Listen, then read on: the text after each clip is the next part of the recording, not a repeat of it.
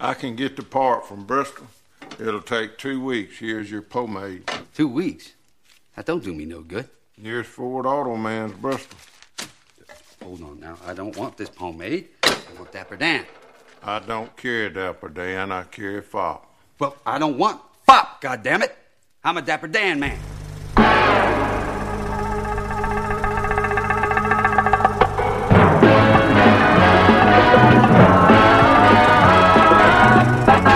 To entertainment, you can't beat good film.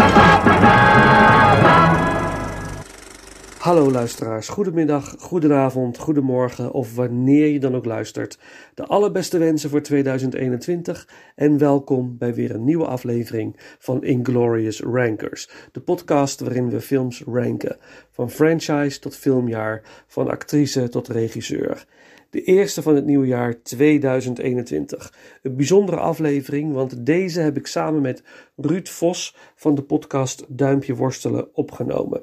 We hebben het gehad over de Coen Brothers en onze persoonlijke top 10 met elkaar gedeeld. En het viel niet mee om een ranking te maken van de bijzondere films van deze twee broers. Ik wilde binnen deze intro wat achtergrondinformatie geven over de Coen Brothers, maar dat laat ik achterwege, want binnen het gesprek dat Ruud en ik met elkaar hebben gehad, kwam voldoende informatie naar voren. Het zijn twee lange afleveringen geworden, dus jullie kunnen heerlijk in één keer of in etappes naar onze ranking gaan luisteren. Natuurlijk ben ik ook erg benieuwd naar jullie Coen Brothers ranking. En ik heb al wat reacties via de social media kanalen ontvangen en zal deze aan het begin van de volgende aflevering bespreken. Maar goed, let's go lieve mensen. Een stukje van de soundtrack van Burn After Reading, Earth Zoom door Carter Burwell. En dan on with the show.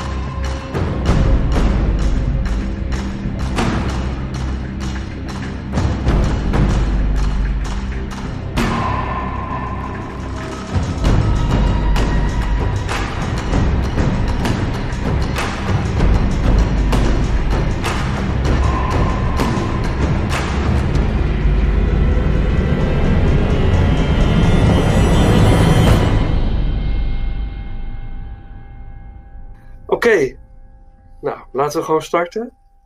Ja, laten we gewoon starten. Laten we gewoon starten. Ik zit hier met, eh, met eh, Ruud Vos. Eh, mijn eerste gast eigenlijk binnen de, binnen de serie. Oh ja, Van inmiddels tien, tien afleveringen. begin van een nieuwe traditie hopelijk. Ik hoop het ook, ik hoop het ook. Ik, ben- ik vind het heel leuk. En jij bent van de podcast Duimpje Worstelen. En om te beginnen is het misschien leuk als jij daar iets over vertelt. Wat is het voor podcast? Eh, hoe is het ontstaan? En het is. Dus, dit is een eh, podcast waarin ik elke keer met een andere gast gewoon een, een leuk gesprek ga voeren. Dat is eigenlijk het, het main idee van, van het format. Het moet een leuk gesprek worden. En dan hebben we het over een film. En over die film verschillen we van mening. Oh, dat moet zo. Ik zorg altijd voor als ik een gast heb dat, dat, dat ik zeg van ik vind hem goed of ik vind hem slecht. En dat de mening van mijn gast andersom is. Die naam, dat eh, duimpje was, dat komt een beetje van eh Siskel en Ebert. Die deden ook thumbs up en thumbs down. En ik dacht van, nou ja, als eentje omhoog gaat en eentje omlaag, dan kunnen die mooi met elkaar gaan worstelen. Ik dacht, dat lijkt me een hele toffe manier om dat aan te kleiden. En dat eh, deed ik ooit, ja, die idee zelf voor, voor dat format met tot een eens zijn. Dat is weer ooit begonnen toen ik hier in Nijmegen in de cinematheek werkte. En toen kwakte iemand een keer zo'n dvd op de balie van Drive. Een van mijn favoriete films van het jaar. En die zei van, ja, jezus, wat een fuckfilm. En ik dacht van, oh, dit is fucking grappig. Nu wil ik weten waarom. En ik dacht van, hé, hey, dit is een spraakmaker. Dit is, dit is goed en dit is leuk om naar te luisteren, hoop ik. Dus toen heb ik al een paar keer ja, wat interviews gedaan. Het was een geschreven format. Deed ik wel altijd mijn duim omhoog. Ik vond het toen vooral heel erg grappig dat uh, mensen mijn favoriete films aan het afkatten waren. Uh, en uh, ja, dat, dat, werd op een gegeven moment toen ik dacht van, nou weet je wat, ik wil eens gaan podcasten. Toen werd het een podcast. Ik dacht van, dat format heb ik liggen, dat was toen leuk. En als ik nu een beetje loslaat of dat ik voor of tegen ben, dan kan het helemaal leuk worden misschien. Ja, gaaf. Ik vind het een heel tof idee. Een hele leuke podcast. Ik raad hem ook zeker aan voor mensen die het nog niet kennen. Ja. Die uh, echt, echt gaan luisteren. Het is echt ja, en dat onderwerp waar we het vandaag over gaan hebben is nog nooit uh, naar voren gekomen in mijn podcast. Dus daarom dacht ik van, nou, die wil ik wel eens een keertje aangrijpen dan. Ja, ja want jij gaf zelf aan het graag te willen hebben over de Coen Brothers. Ja. En uh, wat heb jij met de Coen Brothers? Wat, wat is... Heb je een bepaalde nou ja. liefde voor ze? Op een bepaalde ja. manier natuurlijk. Ooit toen ik de eerste film zat, en die komt zeker voor in mijn top 10, dus ik hou het even nog zonder de spoilers. Maar toen ik die allereerste keer een film van hen zag, toen ging er wel een wereld voor mij open van wat er mogelijk is in de wereld van comedyfilm. Ik heb altijd iets gehad met comedies. Maar dit was wel een soort van next level met een hele. Uh, ja, dit waren veel beter geproduceerde films dan ik gewend uh, was. Veel mooier geregisseerd, met wat meer diepgang erin dan ik gewend was. En ik ging er meteen van aan. En in diezelfde tijd kwam ik ook voor het eerst uh, Rushmore uh, op het spoor. Die was al ietsje langer uit. Maar die, die zag ik toen ook voor het eerst. En dat waren de twee die, voor mij, aan mij lieten zien wat comedy ook kon zijn. En dat, daardoor ben ik ja, heel erg sowieso van de Coen fan geworden en gebleven. Gaaf. Wat ook stilistisch heel mooi is. En ah, goed. Ja, ja, ja weet... daar komen we straks uitgebreid op terug. Voor mij was het echt een, uh, een ontdekkingsreis. Want ik kwam erachter dat ik maar een beperkt aantal films heb gezien van deze gasten. en uh, ik ging zo dat lijstje af en denk van, oh ja, de titels kende ik vrijwel allemaal. Ja. Maar welke had ik nou wel degelijk echt gezien? Ja. En dat is maar, was maar een handje vol. En mijn nummer 1 is een film die ik nou een paar dagen geleden voor het eerst in mijn leven heb gezien. Nou. En ik vond het helemaal fantastisch. Holy shit. Ik was helemaal in mijn straatje. Ja. En, uh, dus dat zal straks ook naar voren komen. Oeh, dan ben maar, ik heel benieuwd wat de nummer 1 gaat zijn. Ja, ja. ja ik, vond, ik heb echt uh, enorm genoten om uh, hierop voor te bereiden. Ja. Het zijn wel eens 18 uh, films geweest. Ja, we hebben alleen de films gepakt die zij samen hebben geregisseerd. Ja, ja, uh, ja. Dus alle films die ze hebben geschreven, maar niet uh, hebben geregisseerd, die doen niet ja. mee. Ja. Dus helaas geen Suburbicon voor de Suburbicon-liefhebbers. Nee, nee, inderdaad. Nee.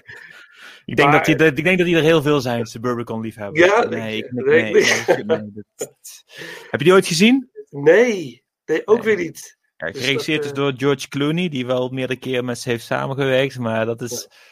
Ja, het is een beetje een Miss Clooney. Uh, ik, ik weet niet hoe ik het beter kan, uh, kan samen. Hij, hij heeft veel interessante dingen. En ik denk dat als de Coens hem zelf hadden gedaan, dat het misschien op een bepaalde manier wel heel tof zou zijn geweest. Maar ja. uh, Clooney probeert er ook heel erg Coen Brothers in te zijn, maar het is allemaal niet zo. Uh, niet zo, niet zo, niet zo mooi geworden. De, de laatste film van Clooney schijnt ook een soort Miss Clooney te zijn, toch? Uh, die nu, uh, Midnight Sky. Ja, heb je hem hem niet al? gezien, maar ik wil hem wel zien. Alleen vanwege de baard van George Clooney in de, in de trailer. ik dacht van, dat, dat, maakt, dat, dat maakt het Dat voor mij nou al, al, al interessant. Ik, het maakt me niet uit of de film goed is of niet. Ik hou van het kijken. Ja, Sowieso, ook als de film Ja. minder is. Ja. Ik hou ervan om, om naar een scherm te staren. En, en die baard, die, die, die gaat het de moeite waard maken. Of dat het Ja. verhaal leuk is of niet. vet cool. Net als uh, Mel Gibson in uh, Fat Man op dit moment, toch? Oh, die heb ik nog niet gezien, maar ja, dat uh, lijkt me inderdaad ook een. De moeite waard. Ik vond, ik vond de snor van Mel Gibson ook heel tof in Drag It Across Concrete trouwens. Ja, dat is ook een goeie zeg. Ja. Dat is ook echt een goeie. En uh, The Professor and the Madman, heb je die ja, die heb ik niet gezien? helaas. Dat is ook een bijzondere film. mooi, uh, mooi overacting van uh, Sean Penn. Ja, ja, ja. Maar wel heel bijzonder hoor, heel bijzonder. Oké, ja, het is interessant dat in een film die zo heet, dat Mel Gibson niet de madman is. Ja, inderdaad. Hij wordt wel een beetje gezien als de madman van de filmindustrie ook, hè? Wat ik een beetje... Ja, hij is toch bezig aan een, aan een kleine revanche tour. Uh, zijn, zijn ergste dagen van uh, dronken antisemitisme liggen misschien achter hem. Dat hoop Ja. ik voor hem. Dat zou leuk zijn. En uh, er, is, er is heel veel Mel, Mel Gibson om te waarderen, ondanks zijn, zijn vele schrijnende, schreeuwende fouten. Ja, zeker. Nou, ik, ik ben wel een Mel Gibson liefhebber wat dat betreft, ja, als ik eerlijk ben. Maar, eh, en we delen ook, wij delen ook een liefde voor Nijmegen. Jij woont in Nijmegen. Ik woon heel Ik, erg eh, in Nijmegen. Ja, ik ben geboren in Nijmegen. We Ja. kennen allebei de bioscoop waar ik het wel eens in de podcast over heb gehad. Mhm. En eh, ja, waar, waar wanneer, wel- welk jaar ben je Nijmegen uitgegaan? ik ben Nijmegen uitgegaan in 2006. Oké, dan hebben onze Nee. paden elkaar twee jaar kunnen kruisen. Oh, jee. Oh, echt waar? Ja. Eind- nee, eind, 2004. eh, eind, 2000, nee, eind 2005 was Ja. het. Ja, dat was het. Eind 2005. 2004 kwam ik hier in mijn eerste studentenkamer. Of zoals ik het eigenlijk zou zeggen, een hele korte gang. Want zo smal was hij. Echt waar. Ja, En waar woonde je toen? dat was de Johannes Vijgstraat. Ah, Oké, Ja, vlakbij het eh, centrum. Heerlijk. Interessante, interessante eh, informatie voor de luisteraars. Die, die, die graag eh, eh, kaarten erbij pakken en gaan opzoeken waar we het over hebben. Dat, Ja, die gewoon een beetje van, ge- van gekeuvel houden. ja, precies. Maar goed, de top 10. Coen Top 10. Brothers. We, houden, we houden bij de top 10. We hebben besloten niet alle films uitgebreid te bespreken, want we dan misschien vier uur of zo bezig waren. Maar je hebt wel een aantal Ja. films ook die je wil bespreken, los van jouw top 10. Maar wellicht staan die in mijn top 10, maar we komen, daar komen we vanzelf eh, wel bij. Ja, ehm, We, we houden stil of dat hij ook in andermans top 10 staat totdat het zover is, denk ik. Lijkt mij wel. Ja, zeker. zeker. We houden alles in Dus dan gaan we het eerst gewoon over een film hebben. En dan later eventueel extra comments gebaseerd op het gesprek dat in de tussentijd voorbij is gesnoeid. En weet ik veel wat. Laat, we laten ons verrassen door elkaar. Nou, Eh, zullen we gewoon starten met eh, jouw nummer 10? mijn nummer 10. They had a plan, That don't make no sense. but he ain't got a clue. We're just dumping a bag of hammer. George Clooney leads a loony band of misfit convicts on a crazy quest for lost fortune. Do not seek the treasure. Take a wild musical ride in this off-kilter comedy. Damn, we're in a tight spot. Oh, brother, where art thou? Next Saturday night at 8 Eastern on Turner South. Met eh, jouw nummer 10. Mijn nummer 10. Ik heb een beetje volgorde aangebracht, ook in mijn top 10, om ook, eh, ook voor het verhaal, zeg maar, dat er een lopend verhaal in zit en zo. Dus ik dacht van, ik begin met nummer 10, eigenlijk ook gewoon lekker met die allereerste film die, die mijn, mijn Coens hart eh, eh, sneller deed kloppen, waardoor ik mijn Coen hart ben leren kennen. Eh, eentje die ik ook zo erg uit mijn hoofd ken, nog steeds. Ook al had ik hem nu tien jaar niet gezien of zo. Ik, ik kon nog steeds grote delen ervan meeciteren. Het is Oh Brother, Where Art Thou? Hun meesterwerk uit het jaar 2000. Oh, wat een prachtige film. Ja, Losjes gebaseerd op de Odyssee. Terwijl dat ze de Odyssee nog nooit hebben gelezen. Ze kennen het vooral van andere verbeeldingen van de Odyssee. Kennen ze verhaalonderdelen ervan. Alleen ze hebben dan het verhaal, een verhaal in de eh, eh, Dust Bowl in Mississippi. eh, tijden van de Grote Depressie. Eh armoedtroef. Iedereen is, eh, zit in de diepe sores en zo. En we volgen drie gevangenen op hun avontuur om een verloren schat te vinden. Een, gescholen, een gestolen schat geld. En in de tussentijd is de boel heel erg aangekleed. Behalve met, met, met rare Mississippiaanse mystiek. Ook met prachtige folkmuziek uit die tijd. Heel veel bluegrass. Heerlijke Ja, film. ja, vind ik ook. Vind het ook een, ja, ik was verrast door deze film. Mhm. Hij heeft mijn top 10 net niet gehaald. Oh jee, Anders was het zonde. ook een nummer 10 geweest, maar Mhm. hij heeft het net niet gehaald. Maar ik vond het ook hilarisch dat op een gegeven moment. ehm, ja, dat vond ik fantastisch dat George Clooney de rol speelt van Everett McGill. Ja. En Everett McGill is gewoon een acteur ook, die eh, natuurlijk eh, in, Ja. eh, in de. Hollywood, ja, maar ook in ja, Dune natuurlijk, maar ook het fantastische eh, Nederlandse productie, Field Mhm. of Honor. Heb je die Oh, ooit oké. gezien met Ron Nee, niet Brandsteder? Oh god. Het is er wel eentje die ik gezien moet hebben. Ja, ja, Field of grote Honor. liefde voor Dr. Bernard klinkt dat als een uh, missie. Nee, het is een soort van co-productie tussen eh Amerikaanse producent en eh, Rob Hauer, volgens mij, een Nederlandse producent. En eh, het gaat over de oorlog in Korea, als ik het me goed herinner. Oké. En dus Ron Brandstede speelt daar ook een, eh, een rol in.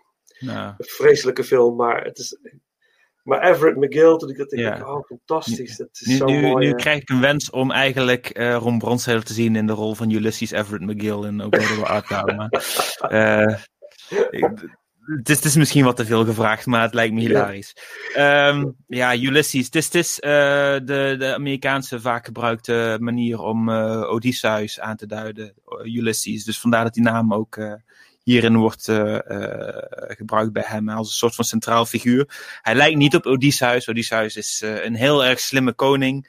Dit is een, een beetje een patje peer die de boel bij elkaar loopt te chagren. Eh, ja, en die dus eigenlijk ook een beetje, ja, maar een beetje spoilers is niet zo heel erg. De Nee. reden om uit te breken uit de gevangenis, et cetera. Eh, hij is niet zo heel erg eerlijk over die schat die, eh, die ze zogenaamd zouden gaan zoeken. Hij zat eigenlijk ook alleen maar in de bak omdat hij zich voordeed als advocaat, terwijl dat hij er helemaal geen vergunning voor heeft. Dus eh, het, is, het, is, het is gewoon een smerige oplichter, maar, maar wat een fijn figuur. En met wat een fijne, fijne catchphrases. Ter ere van deze film heb ik ook mijn, mijn t-shirt aangedaan met erop de favoriete pomade van, van Ulysses Everett McGill. ja, Dapper Dan. Van het prachtige citaat. I don't want fop, god damn it, I'm a Dapper Dan, man. Oh, jeetje.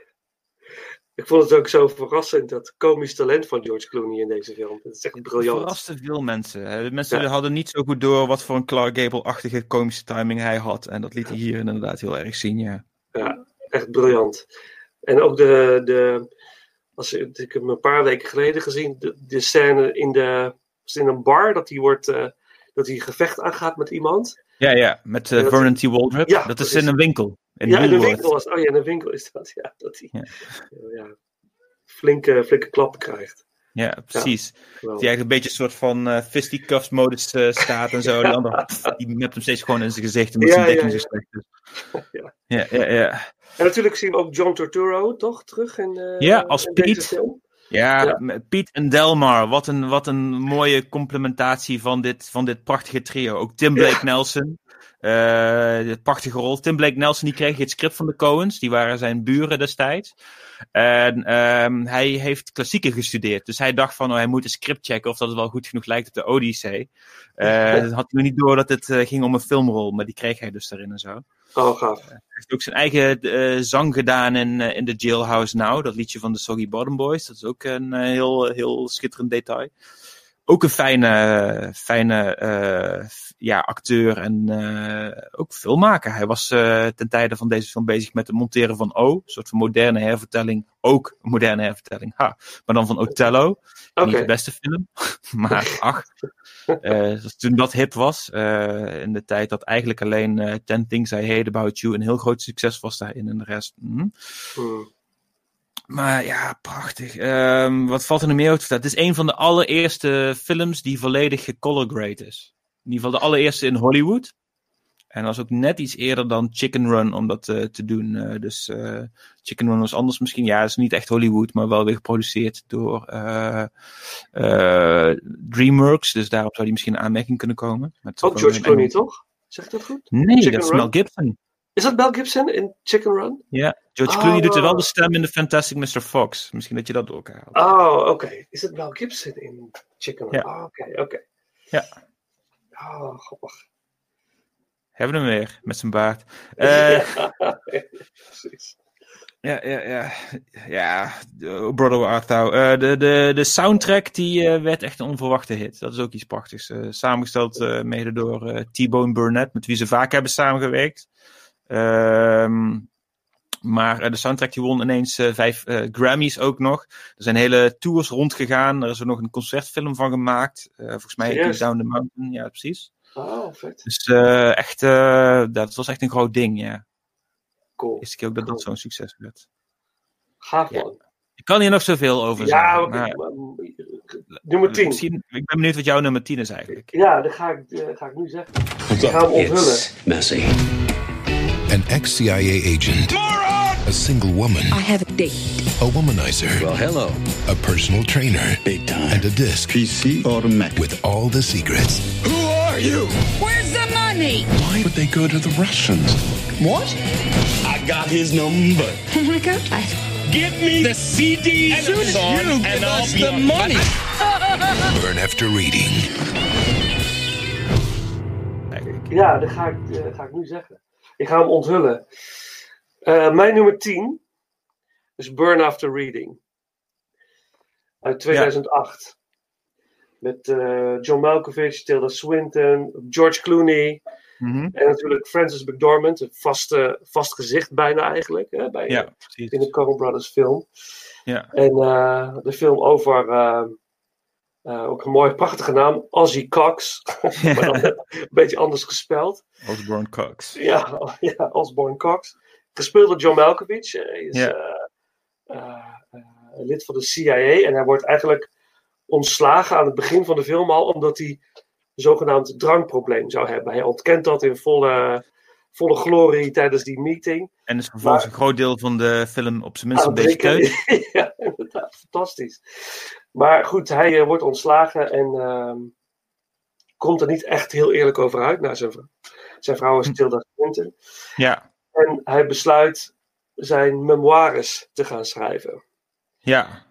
Ja, en ondertussen heeft Tilda Swinton heeft een affaire met eh, eh, Harry, dat is George Clooney. Precies.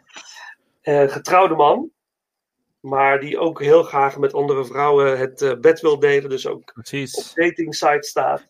En dan komt je er per ongeluk op een gegeven moment ook nog achter dat zijn vrouw dat ook doet. Maar dat is... eh, Ja, ook nog inderdaad. En ehm, hij, ja, zij heeft dus een verhouding met de vrouw van, eh, van Ozzy. ja. En ehm, hij is zijn memoires aan het schrijven voor zijn boek. En, en zijn vrouw, Tilda Swinton, eh, Katie, wil eigenlijk scheiden van Ja. Ozzy. Zij heeft er genoeg van.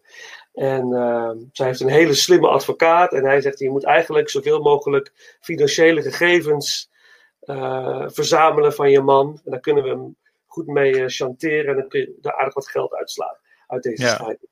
Nou goed, dat eh, doet ze in het alle geheim. Ze slaat financiële gegevens op op een, op een disk. Althans, dat denkt ze dat ze dat doet. Mhm. En ehm, die disk komt in de handen van medewerkers van een sportschool.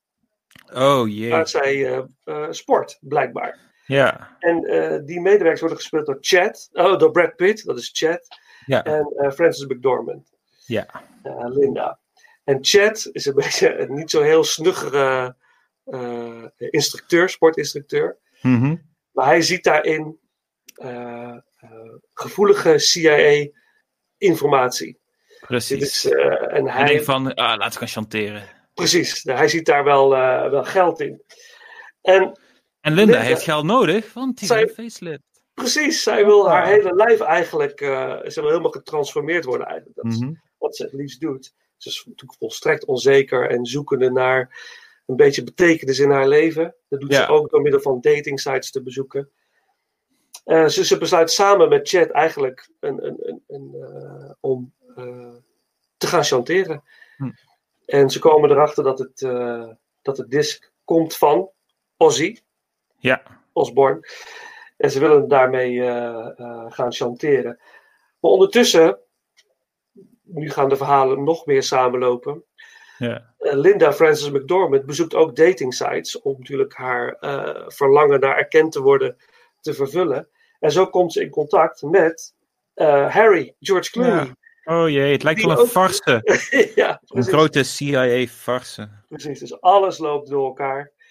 En uiteindelijk eh, eh, eh, gaat het helemaal, loopt het helemaal mis. En gaat het zelfs zover tot er een moord wordt gepleegd. Eh, Nou ja, er vallen uiteindelijk wel meer dan één dode. ja, precies, uiteindelijk wel. Uiteindelijk wel. Maar ik moet zeggen, Burn After Reading was voor mij een van de eerste verrassingen die ik zag. Mhm. Ik keek hem samen met, eh, met mijn vriendin en eh, nou, we hebben echt onwijs gelachen. Gewoon, Ja. Het was een fantastische film. Mooi geacteerd. John Malkovich natuurlijk weer briljant als altijd. Mhm. Maar wat me heel erg verraste, was eh, de rol van Brad Pitt als Chad. ik vond echt... eh, Zijn dansjes zijn echt eh, fantastisch. Ja, zijn dansjes, dat ook. Ja. Maar ook voor, vooral de scène in, dan gaat hij dus, zeg maar, eh, Ozzy, John Malkovich, confronteren Ja. met het feit dat hij die informatie heeft. En dan gaat hij proberen iets los te krijgen. En dan zitten ze met elkaar in de auto. en als ik aan denk, moet ik alweer lachen. En dan gaat hij dus zichzelf voordoen als heel, een heel gevaarlijk persoon. Waar, die, Ja, waar Ozzy echt even... Hij noemt zichzelf zelf Mr. Black. Mr. Black, Ook zijn, zijn naam is in, in Meet Joe Black. Extra hilarisch. Fantastisch. Oh, verrek, ja. God, dat is me nog niet eens... eh, Ach, fantastisch, ja. Ja, dat...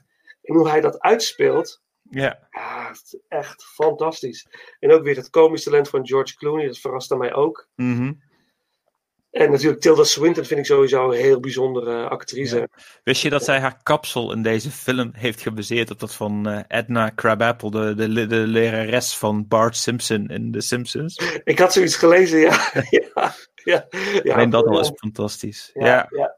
Nee, echt eh, Burn After Reading. Ja, ik heb hem zelfs twee keer gekeken. Hm. Eh, ja. Het zijn misschien eh, twee van de scènes die bijna het meest losstaan van de film. Maar die twee eh, op het kantoor tussen de hoofd van de CIA en dus eigenlijk ja, J.K. Simmons. Ja. En eh, eh, hoe heet die gast van Sledgehammer? Eh, David Rash. Ja. Nou, die zijn, die zijn zo fantastisch. Ik vind als zij twee een keertje het podium opgaan als een komisch duo, dan, dan ga ik er naartoe. Dat, eh, Ja, dat vooral inderdaad. Ja, die scènes zijn briljant. Maar ook de inhoud. ja. Dat het eigenlijk allemaal nergens over gaat. Dat het gewoon maar opzij wordt geschoven. Ja, het, is, het lijkt wel, wel een, een, een, een, een vast thema in het werk van de Coen Brothers. Ja, Alles heeft uiteindelijk Ja, niks betekenen. Ja, dat is toch mooi? Mensen- Ja. Wat mensen denken. Want dat is ook een, eh, een beetje wat ik. eh, ik ben ook een grote Jim Morrison liefhebber. Mhm. Al heel lang. Ja. Maar dat hij ook op een gegeven moment in een interview zegt van dat hij eh, het meest interessante zijn de situaties die eigenlijk geen betekenis hebben. En eigenlijk, wat heeft het leven eigenlijk voor betekenis? Ja. En, mooie, vind ik hele mooie, mooie vragen. Ja. Dat komt heel erg, inderdaad, wat je zegt, heel erg naar voren in, die, in de films van, eh, van de Coen Brothers. Wat bereikt iedereen nou uiteindelijk? Ja, Zo. ja nou ja, ehm, eh, Ethan Cohen die heeft ook filosofie gestudeerd. En dat is iets wat je wel heel erg merkt in hoe zij eh, verhalen benaderen, et cetera. Ze zijn altijd heel erg doordacht. En hoe, hoe eh, simpel, et cetera, een grap misschien ook kan zijn eh, in zo'n situatie. Er zit altijd wel een bepaalde intelligente slag achter of zo. Zelfs al Ja. is het maar Brad Pitt die tegen zijn neus aan wordt geramd door Osborne Cox in zijn auto. Dat komt ineens uit het niets. Maar het is, Ja. een, het is een letterlijke punchline bijna, maar het werkt heel goed. Ja, ja. Gaaf, gaaf. Ja, dus dat me deze keer opviel. Ik heb eh, Burn After Reading ook weer even herbekijken. Gewoon om even weer die feeling te krijgen van de film en zo. Wat me deze keer echt pas voor het eerst opviel. Er zijn eigenlijk maar twee keren in de film dat, dat Brad Pitt niet zo'n zo'n rood eh, eh, shirt aan heeft in de film. Zijn, zijn, zijn, zijn outfit van de Ja. gym waar hij werkt. Mhm. En allebei die keren krijgt hij red on him. Dus, eh, om het eventjes in de term van Shaun of the Dead te zeggen. De eerste Ja. keer wordt hij op zijn neus geslagen en bloedt hij op zijn shirt, zeg maar daarvan. En de tweede keer, eh, verrassing, eh, is in de kleerkast bij George Clooney die een pistool trekt. En Ja. zijn, zijn, zijn shirt heel erg rood kleurt. Wat ik trouwens niet zag aankomen. Ik had het echt niet, Nee. de eerste keer niet, voor, niet verwacht. Nee, ik ook zeker niet. Dat was Ja. een... Wauw. Gaaf.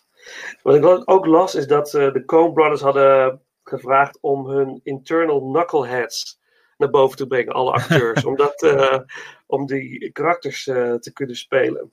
Ja, Ja, heel bijzonder. ja. Ik, eh, als ik ook, ook ik zag het ook, wat was het nou? Ik denk, welke film was dat nou? Volgens mij in Hail Caesar. Die, dat zit ook een scène in waarin Ralph Fiennes aan, ik weet Ik niet dat Rave. Rave, sorry, ja, Rave, Rave Fiennes. Goed dat je het zegt. Geen. Eh, inderdaad. Ehm, ik verbeter graag mensen. Dat je, Oh, dat echt waar? Oké. Dat hij instructies geeft aan eh, de western acteur. Ik weet zijn naam even niet meer. Ik heb hem aantekenen. Hobie Doyle. Hobie Doyle, ja. En hoe dat gebeurt, dan denk ik van ja, Ja, wat, speelt er Alden Ehrenreich. ik heb een theaterachtergrond en ik, ik, als, ik, als ik dat zie, het- ik heb een theaterachtergrond en ik weet hoe, als je dat soort scènes speelt, hoe moeilijk dat is om dan niet te lachen. Om gewoon niet gewoon Ja. voortdurend heel erg hard te moeten lachen om wat je aan het doen bent. En Hmm. volgens mij hebben deze mensen bij deze film ook dat ook eh, veel gehad. Ja, er zitten ja, veel scènes in waarbij je echt denkt van... Alsof ik bijna soms een twinkeling in de ogen zag. Vooral de tweede keer. Maar daar moet... Daar zit zoveel plezier achter. Ja, En dat vind ik deze film zomaar uitstralen. Vandaar dat die zeker in de top 10 staat. Maar eh, wel op nummer 10. Eh, nog een heel grappig feitje wat ik las. Eh, die, die rare sextoy die George Clooney hierin heeft gebouwd. ja. Oh, ja. Er zit een, zit een waar gebeurd ding achter, namelijk eh, eh, de key grip die ze vaak, eh, of in ieder geval die eh, wel eens ook met ze heeft meegewerkt, Tom Profit Jr. Die heeft zelf ooit eens wel echt zo'n ding gebouwd. En hij gaf er ook exact, exact dezelfde reden voor die George Clooney doet in de film. Oh god. Serieus. Met een beetje pijp en dat soort dingen het een stukje koper doen. Dus. Ja, het was ook de eerste Mooi. film sinds lange tijd die niet door eh, Roger Deakins eh, was gefilmd. Dat vond ik Ja, ook, klopt. eh, interessant. Maar dat zie je er wel een beetje aan af. Ja. Het is steeds goed camerawerk, want nou ja, Emmanuel Lubezki is ook eh, meesterlijk. Die heeft ook eh, niet voor niks meerdere Oscars gewonnen. Ja. Maar vind je, vind je dat eh, minder? Of juist... Of, Nou, het is wel even wennen, eh, misschien qua stijl of zo. Terwijl ik vond eh, de, misschien ook omdat ik ze eerst in eerste instantie niet heb gezien, toen ik er al eh, het meest op lette of zo. De overgang van Barry Sonnenfeld naar Roger Deakins vond ik wat minder groot overgang. Ineens in deze film zie je minder ehm, dat alles in focus is.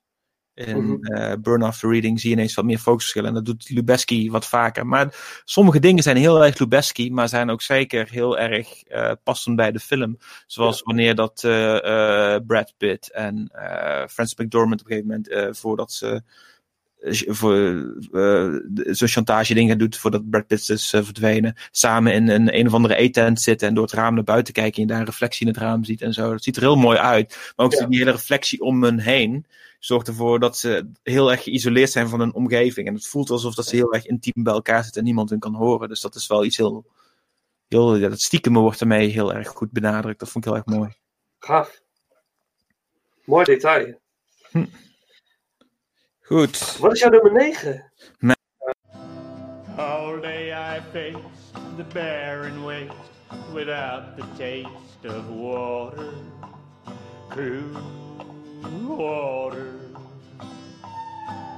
Old Dan and I with throats burned dry and souls that cry for water. Cool, clear water. Dan, can you see that big green tree where the water's running free and it's waiting there for you and me? The nights are cool and I'm a fool. Each star's a pool of water, cool water.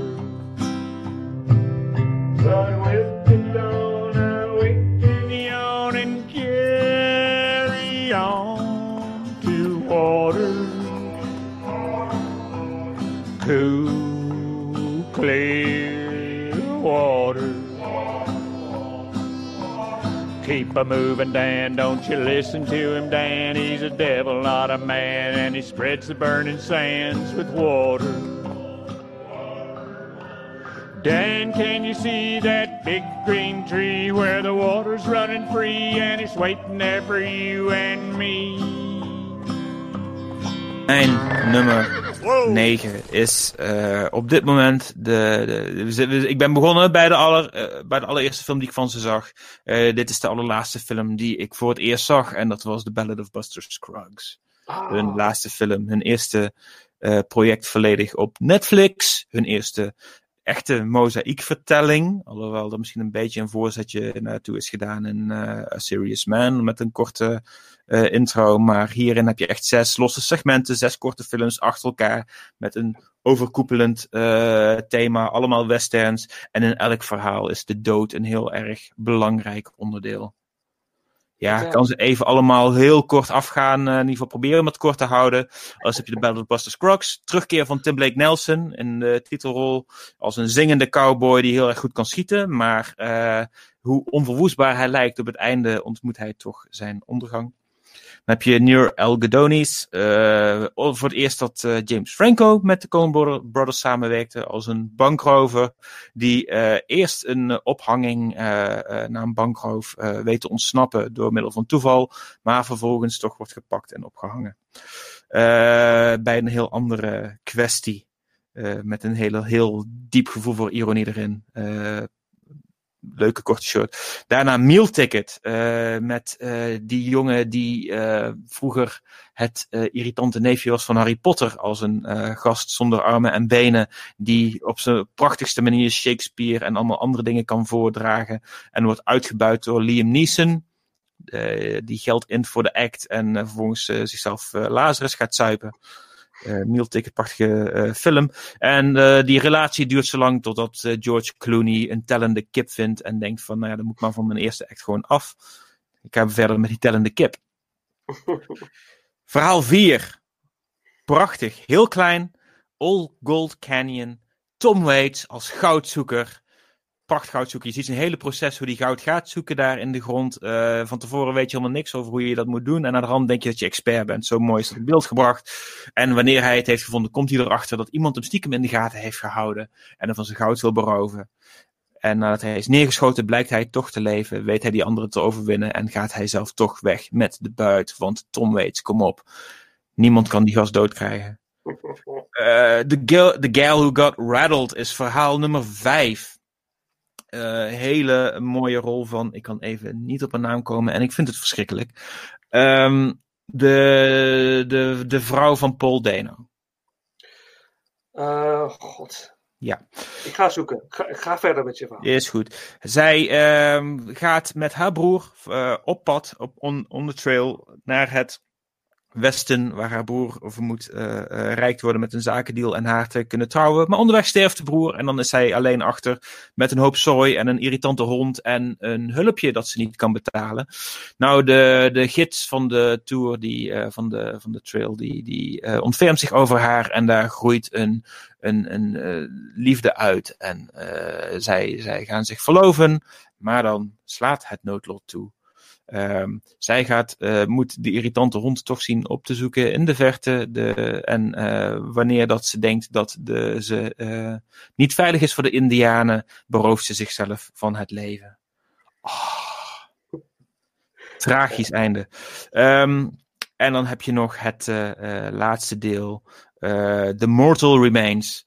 Vijf mensen zitten in een postkoets op weg naar een mysterieuze locatie, eh, een, eh, een, een hotel. Ehm, er zitten twee eh premiejagers die een buiten met zich meenemen, dus man en een doodskist bovenop. En voor de rest zitten er drie anderen in de koets. Een beetje een kakkerige vrouw, een eh, Fransman eh, die eh, nogal wat liberale gedachten heeft over alles, en een trapper, dus een beetje een jager. Zij wisselen hun levensfantasieën met elkaar uit om erachter te komen dat ze eigenlijk een beetje op weg zijn naar een soort voorportaal van het hiernamaals. Want het is zo een poëtisch einde aan de film. Zes korte verhalen. Als je er eentje even niet leuk vindt, kun je doorscrollen naar, naar de volgende. Maar ik vind ze alle zes heel erg leuk. Dus eh, daarom vond ik hem zeker ook heel erg de moeite waard om hem in deze top 10 op te nemen. Eh, Mooi, mooi dat hij langskomt. Hij staat niet in mijn top 10, maar.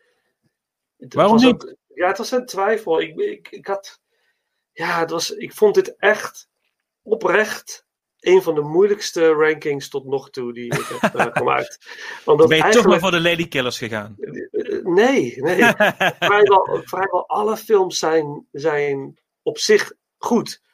Er is er maar één bij, die zal ik straks ook wel even benoemen, als hij niet in jouw top 10 staat ook, eh, die ik echt niet zo fijn vond. Zo. Ik, ben- Oké. dat Ik hoop dat ik 10 heb staan. Haha. Ja, ik hoop het ook. Ja, dat zou mooi zijn. Is die dame eh, Gigi Heis? Nee, Klopt dat? Nee? nee. Oh, Paul Dano, het is... Ja, ik eh, zoek het zelf heel even kort op. Kun je dit eruit knippen? Ja, Ga dat knippen? Ik ga het eruit knippen. Geen probleem. Oh, Zoe Kazan. Zoe Kazan. Ja, Zoe Kazan, de, de prachtige hoofdrolspeelster in eh, The Gal Who Got Rattled. Ze zat ook in uh, Meek Off, ook zo'n eh, prachtige film over On the Trail zijn. Film die ook heel erg is gefilmd vanuit een soort van vrouwelijk perspectief. Het is ook gefilmd door Kelly Reichardt. Ook heel erg mooi, mooie film. ehm, eh, met, eh weet ze, Michelle... eh, mm, Michelle Williams in de hoofdrol. Ja. Ja. En de film die is dus ook eh, gefilmd in 3 bij 4 eh, eh, om nog even dat claustrofobische van die, die hoofdkapsels, waar mensen zo'n ding dat nog extra te benadrukken, dat benauwende, echt zo'n vrouwelijk perspectief erop. Eh, heel mooi gedaan is dat. Eh, maar de Bell of Buster Scruggs. Echt, ja.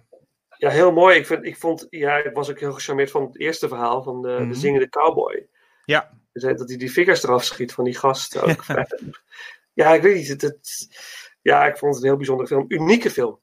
In eh, dat eh, eh, segment met Buster Scruggs. Je hebt die scène in de, de poker, dat, met dat pokeren. Wat die Mhm. weigert mee te spelen en uiteindelijk is die tafel zo omverschopt. Ja. En die gast zichzelf dus Ja. Door zijn hoofd. Eh, ook toffe acteur trouwens, eh dat. hè. Ehm,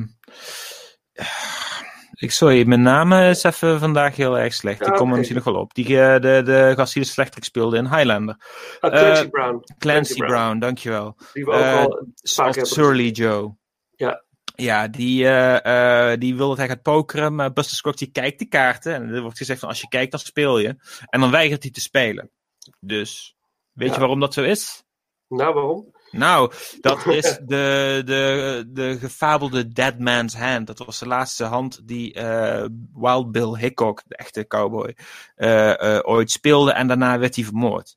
Dus er zit een Oké. bij- bijgeloof overheen. Het is eigenlijk best een goede hand. Twee, twee azen, volgens mij. eh, eh, de rode azen en zwarte achten. En eh, dat, eh, dat betekent de Dead Man's Hand. Dus Oké. dat, je, dat je misschien wel eens eh, je loodje zal leggen. Cool. Ja, Ja, bijzondere film. ja. Het is, eh, en een Netflix, dat vind ik ook wel vrij uniek. Ja, ja Dus, eh, daardoor, oh, zeker ook omdat het allemaal zes korte verhalen zouden zijn, ging er eerst een, een gerucht dat dit een tv-serie zou worden. Oké. Oké. Het, eh, later is het wel ontkracht uh, door mensen die ermee bezig waren, onder andere Tim Blake Nelson, die zegt dat in een interview met Mark Maron.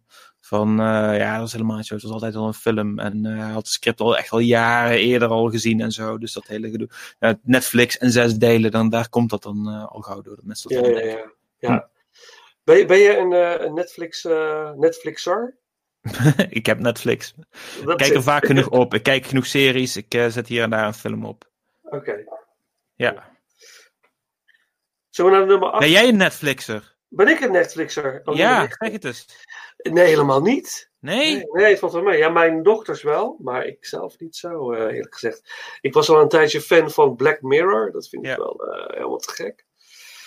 Maar ik kijk niet zo vaak. Nee, Nee, jammer. nee. nee. Ja, shit. Maar ik moet het wel doen, hè, want er staan wel heel veel goede series op. Hè. Ik weet dat mijn vriendin nu The Crown aan het kijken is. En dat is Ja. ook, eh, die vindt ze echt fantastisch. Ja, dat is ook heel erg goed. Ja, dus ik moet ook wel echt eh, eraan hoor. Want er zijn er echt hele mooie dingen op. En volgens mij komen er ook hele mooie dingen aan. Hm. Dus dat, eh, ja, zeker.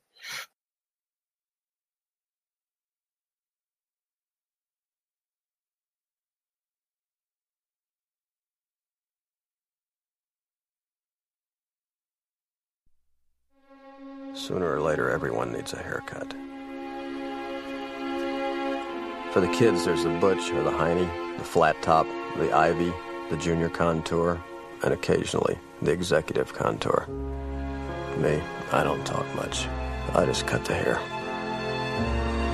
You say he was being blackmailed. By who? You don't know. For having an affair. With who? You don't know. Did anyone else know about it? Probably not. You don't know. You want to test something, you know, scientifically. How the planets go around the sun, why the water comes out of the tap. You got to look at it. But sometimes you look at it, your looking changes it. Life has dealt me some bum cards, or maybe I just haven't played them right. I don't know. Life is just so damn wonderful, you almost won't believe it. They put their pants on one leg at a time, just like you and me. You keep your mouth shut. I'm an attorney. You're a barber. You don't know anything. I'm not proud of what I did. You, what kind of man are you? Science, perception. Reality, doubt. Reasonable doubt. I'm saying sometimes the more you look, the less you really know.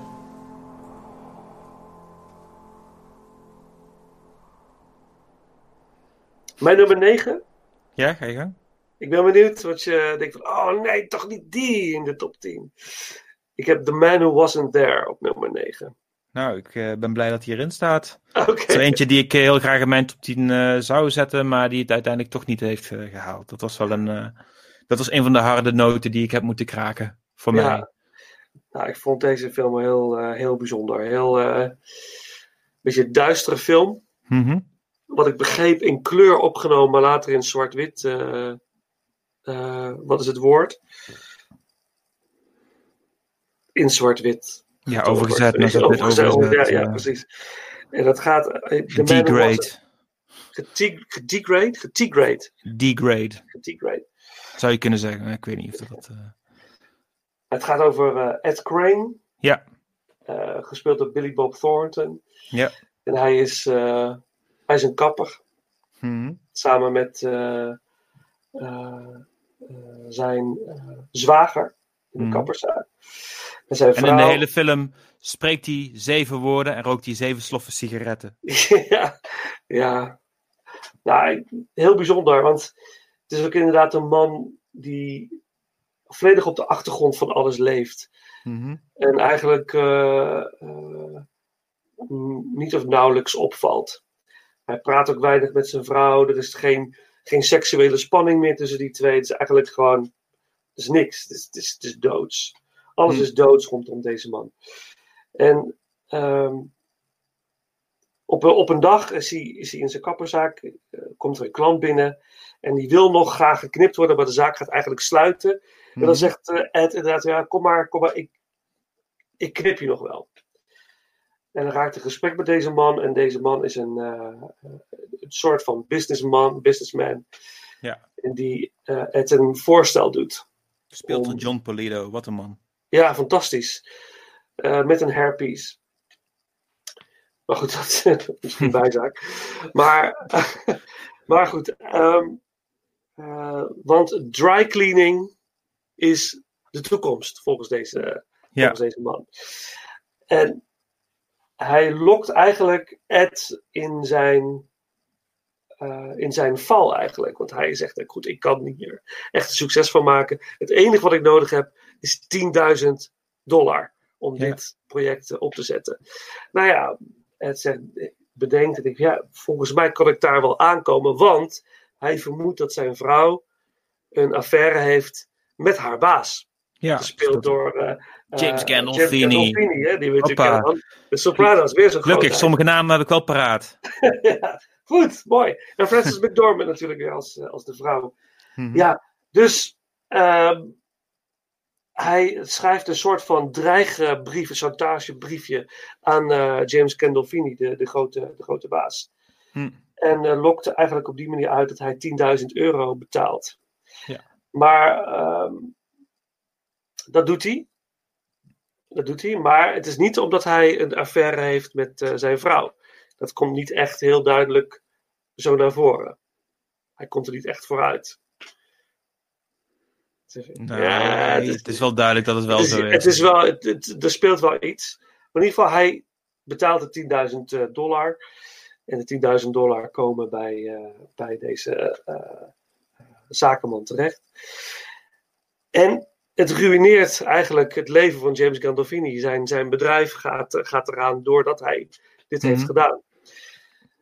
En dus ook en- de promotiekansen van de vrouw van Ed. Precies, ook dat nog, inderdaad.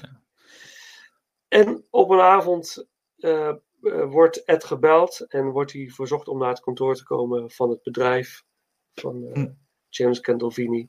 En daar confronteert hij eigenlijk Ed ermee, want hij heeft in de gaten dat hij degene is die hem heeft gechanteerd. Ja. Nou, dat leidt tot een soort van gevecht. En op het moment dat James Gandolfini eigenlijk Ed Crane wil doden, hij heeft zijn handen om zijn keel gegrepen, steekt hij met een heel klein eh, mesje eh, in een hals- briefopener. Een briefopener, oh ja, ja detail. steekt hij in de hals van eh, James Gandolfini en hij sterft.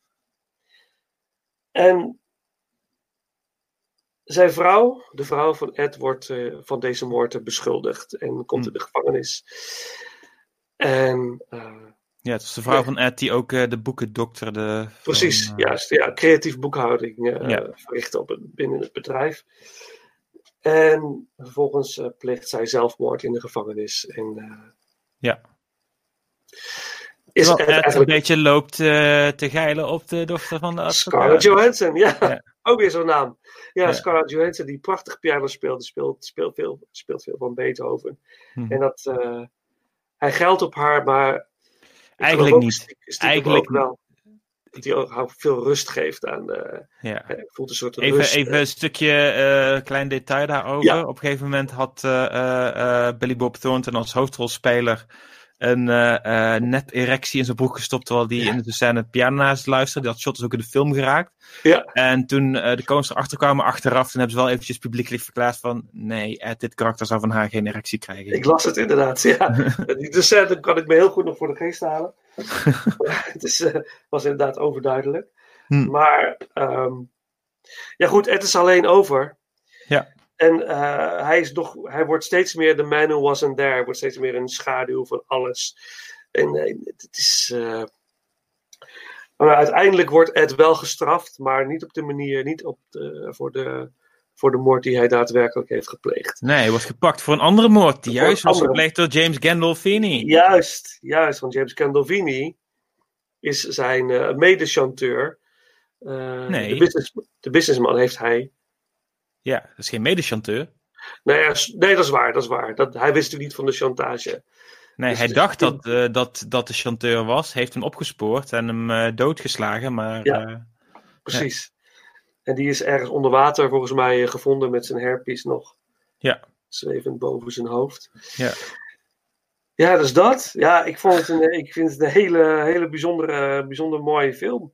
Ja, Ed Crane belandt nog op de elektrische stoel. Dat is nog even goed om te Ja. vermelden. Ja, een heel mooie opname, helemaal in het, in het wit. Wit eh, Ja, met eh, nog even al die eh, vijf kapsels die hij aan alle kinderen moet geven. Nog eventjes bij Ja. de vijf mensen die daar zitten toe te kijken. Ja, prachtig. Mooi symboos. En vlak voordat hij de- naar de elektrische stoel gaat, heeft hij nog even een UFO-sighting uit. Ja, ook dat, ja, dat is waar, ja. Dat loopt hij, loopt hij Heerlijk even naar random. buiten.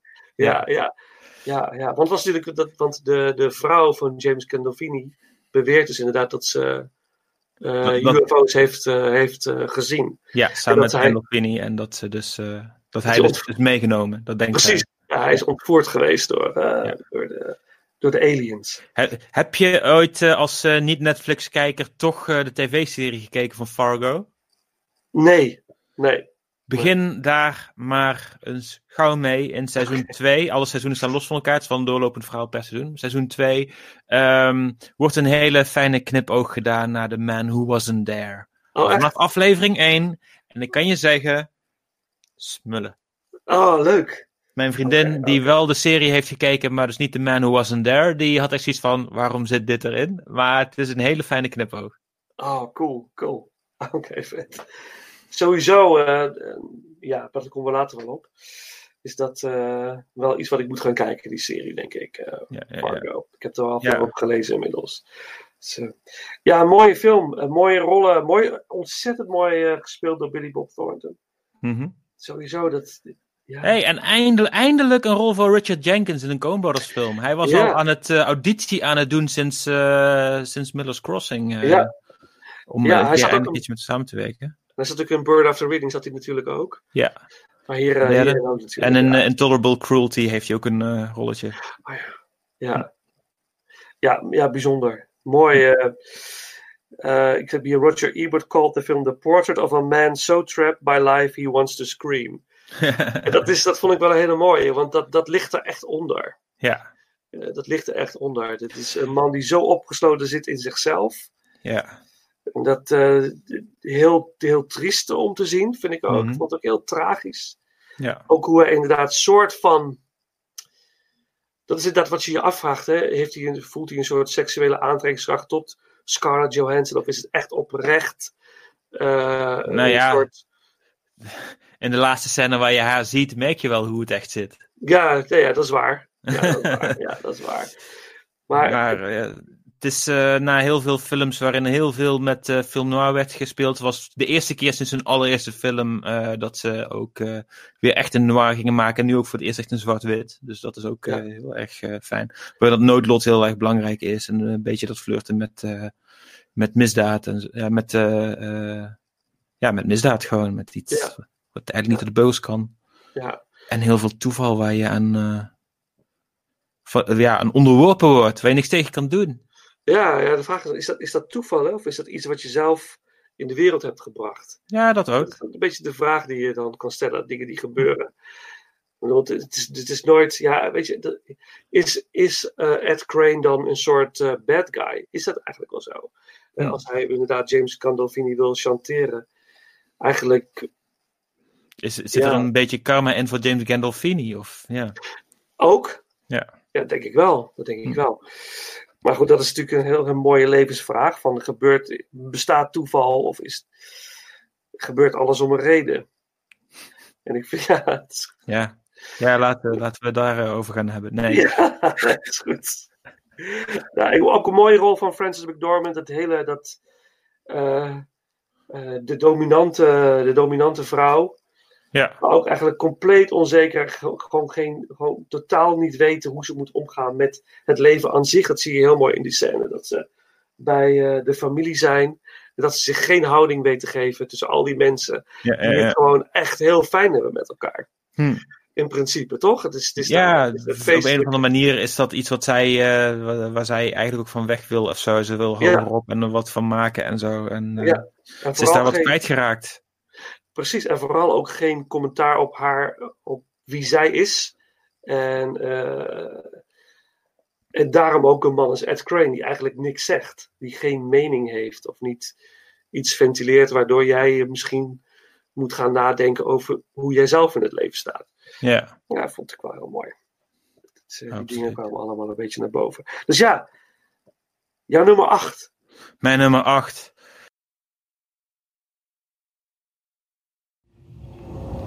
The world is full of complainers.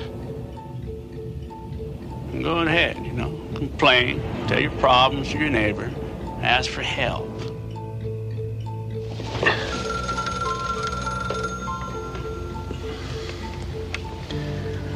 Hello. Having a good time? Who's it? Your husband. I got a job for you. It's not strictly legal. Want me to kill him?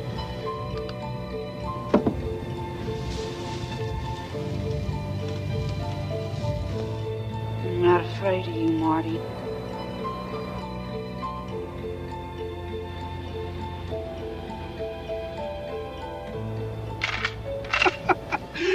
That's a test, ain't it? Test of true love. Eh, ik, ik zinspeelde net al op, maar ik heb de titel nog even extra vermeden. Ik dacht van, doe nou mijn nummer 8. Het is een allereerste film, Blood Simple. Oef. Oef. Oeh, mooi.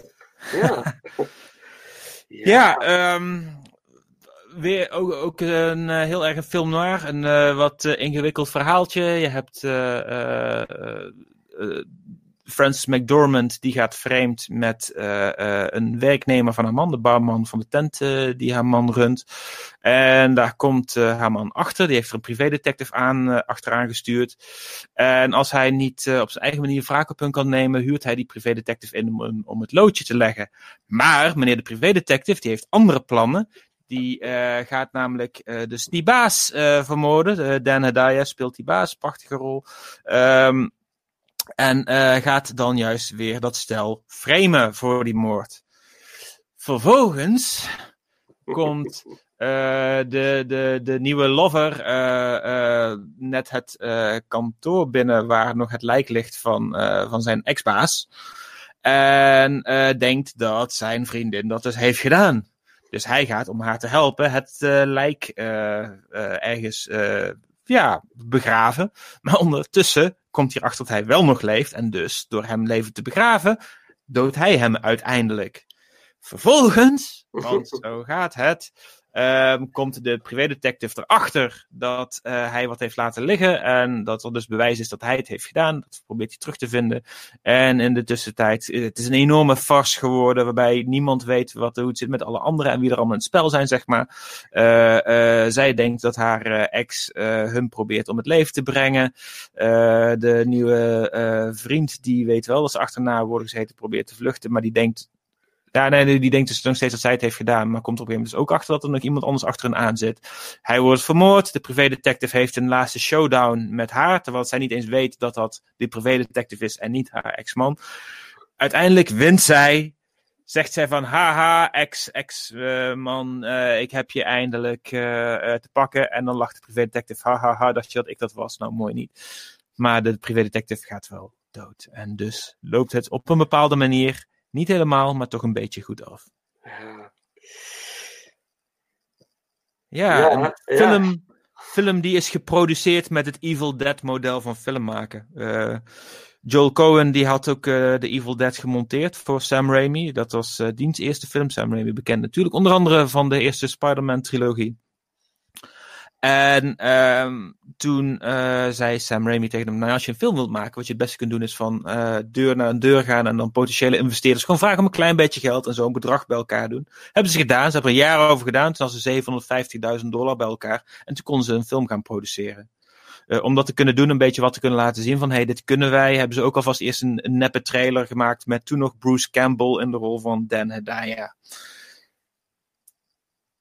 Maar ja, ze speelden toen wel in die trailer heel erg erop dat het een horrorfilm zou worden. Omdat dat makkelijk is om geld bij elkaar te brengen. Maar ze hadden wel zoiets van, ja, eigenlijk willen we een film noir maken. En dat is het eigenlijk ook wel heel erg geworden. Ja, en dan ja, met wat, wat horror eh, boventonen erin. Het is, het is er niet weg van. Met droomscène, met Dan Daya bijvoorbeeld. Ja, en een, een, een, een de filmdebuut van verschillende mensen. Van, eh, als regisseurs van de Coens. eh, het regiedebuut van hun editor, Roderick James. Nee, gaat er niet om lachen. Dat eigenlijk een pseudoniem is van de Coens, omdat eh, ze mogen, je mag, ja, dat heeft te maken met eh, de, de, de, eh, de, de, het gilde. Je mag niet gebeeld worden als editor samen, of iets in die richting is dat. Oh, is dat zo? Ja, ik weet niet Oh, precies wat de regels daarvan zijn, maar dat proberen ze om te, te omzeilen. Daarom zetten ze de Rod- Roderick James neer. Oh, Ehm, ja, dat werd, dat werd nog een keer een eh, interessant dingetje, maar daar heb ik het waarschijnlijk later over. En ik vermoed zo in aflevering 2 van eh, dit tweeluik. Ehm, en ook eh, ja, Frances McDormand had hier haar eerste filmrol. Trouwde vervolgens met Joel Cohen. Dus dat klikte heel erg goed samen. En ook hun componist Carter Burwell was het, de eerste film van. En die had ook sindsdien een hele rijke carrière. En hij heeft ook de meeste films van de Coens gescoord. En ehm, Barry Sonnenfeld, toch? Als eh camera. Ja. Man. ja, ik dacht dat hij wel eerder iets had gedaan, maar dat is wel een van zijn eerste. Ja, oké, ja. Ja, Blot Simpel. Ja, ik- kom er later nog op terug. Laat ik daar even bij houden. Aha. Ja, ik vond eh, dit een eh, bijzonder goede film. Mhm. Bijzonder goede film. Er is een Chinese remake van. Ja, ik zag het. A Woman, A. Gun and a Noodle Shop. Ja. Een Amerikaanse titel dan. Ja, ja, precies. Ja, de, de Chinese die, eh, die ga ik niet eens proberen om uit te spreken. Ah, alsjeblieft. Dit- Nee, ik heb het niet eens hier staan. Anders zou ik het doen. Dan moet ik het gaan opzoeken, dat ga ik niet doen. Sorry mensen, Eh, het zou een Ah, leuke ja. act zijn geweest, maar ik, eh, ik, ik ga het niet doen. Ehm Frances McDormand was niet eens de eerste keuze van de Coens om in deze film te zetten.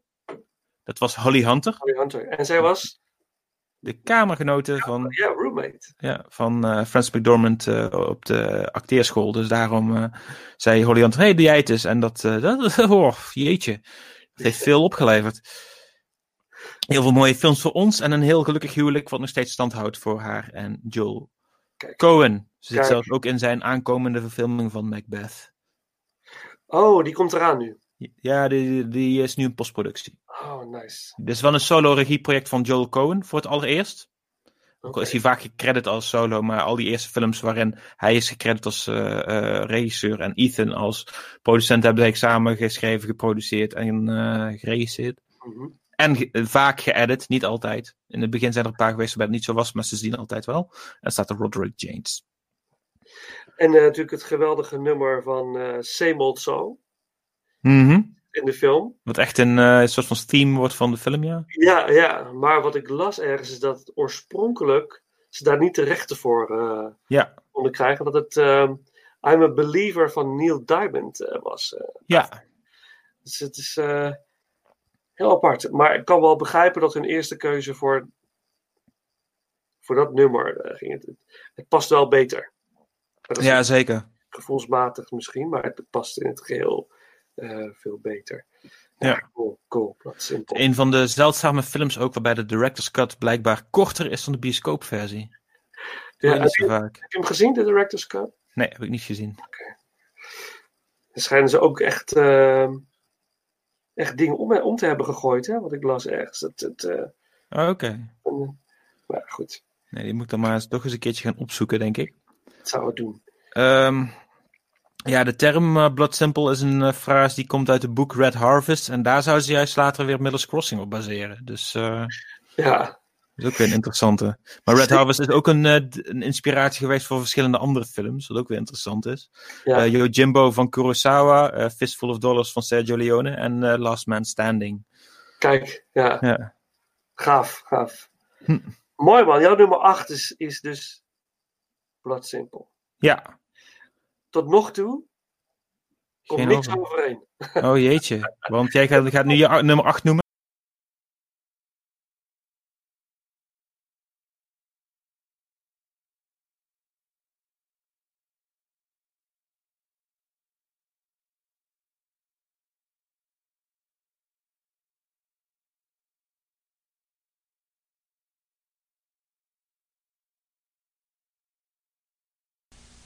The Big Lebowski is one of the funniest films ever made. Does this place look like I'm married? The toilet seat's up. Hilarious fun. Jeff Bridges is comic perfection. Careful, man. There's a beverage here. In a wildly entertaining comedy adventure. A nice marmot. Four stars. Belly laugh funny. You figure here's a loser, a deadbeat, aren't you? Well, yeah. Jeff Bridges, John Goodman, and Julianne Moore. The best movie in 1998.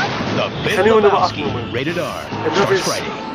niet Nee, het is The Big Lebowski. Ah, kijk. Uit 98 met eh, Jeff Bridges, eh, John Goodman. En eh, natuurlijk een fantastische rol van John Turturro als Mhm. Jesus. Ja, als een pedofiel. Eh, heel veel mensen doen hem heel graag na, maar hij is een pedofiel in de film. Laten Ja. we niet vergeten. En mensen die daar zo van hebben genoten hoe hij een pedofiel speelt in die film, die kunnen opnieuw gaan genieten. Want er komt een vervolg, of in ieder geval een spin-off met dat karakter, Oh, Jesus? Rolls. Ja, Oh, wat een losse remake is van een, eh, eh, van een Franse film, Les Valseuses, met Gérard Depardieu. Oh. Maar nu Oh. met John Torturo als Jesus in, in, in die rol. Ook door de Coen Brothers geregisseerd. Nee, zeker Nee, niet. Nee, door Torturo zelf geregisseerd. Oké, dat kan ook interessant worden. Kan interessant Ja, kan. Maar goed, de Big Lebowski, ja, dat is natuurlijk een, eh, een van de meest eh, beroemde films van eh, de Coen Brothers. Mhm. Ehm, Jeff Bridges speelt Lebowski, een Lebowski, maar hij noemt zichzelf liever de Dude. Jeffrey hij wordt, Lebowski. Jeffrey Lebowski, hij wordt aangezien voor een miljonair, ook een Lebowski. Eh, Ook een Jeffrey Lebowski. En de vrouw van die miljonair heeft aardig wat schulden. Ja, En aan het begin van de film komen er wat mannetjes. eh, eh, ja dit, is, dit is, dit is een, een vrij ingewikkeld plot. Ga je, Ja. gaat beat voor beat ga je het opnoemen? Of, eh, Nee, nee, ik hou het heel kort. Ik hou het heel kort. Er komen twee kerels. En die proberen geld los te krijgen van de dude die eigenlijk geen rode cent heeft. Mhm. En hij, eh, een van die gasten, piest op het tapijt. Ja, En eh, daar is eh, de dude nogal verbolgen over. En die gaat verhaal halen bij de echte, of bij de echte, bij de andere rijke Jeffrey Lebowski. En zo raakt hij verwikkeld in een, in een, in een soort kidnapzaak. en, ehm, en daarbij sleept hij ook nog zijn vrienden Donnie en eh, Walter. Walter mee, die een Vietnam-veteraan is, die ook alles gebruikt wat er om hem heen gebeurt. Dat refereert hij aan de gebeurtenissen in Vietnam. En alles loopt natuurlijk eh, acht, eh, uit de hand. En iedereen wil uiteindelijk iets van, eh, van de dude. En dat leidt tot hilarische situaties. Hm. Eh, een hele leuke rol, onder andere van Flea, van de Ja. Die hadden we benoemd. Ja, en ook een hele mooie rol van eh, eh, onze Zweedse vriend Pieter Stormer. Ja? Stormare. Ik weet niet of hij dat eh, Ja, als een andere van die Duitse nihilisten van Autobahn. ja, mooi hè? Ja, ja, ja. Die, ook zwaar, die krijgen het ook zwaar te verduren aan het einde van de film natuurlijk. Mhm. Die worden flink te grazen genomen. Ja, Ehm, en terecht. en terecht, ja zeker. En daar gaat eh, Walter, die eh, gaat echt eh, helemaal los daar op dat moment. En de dude doet eigenlijk niet zo heel veel. Hè? Hij, hij is alleen maar aanwezig eigenlijk. En Ja.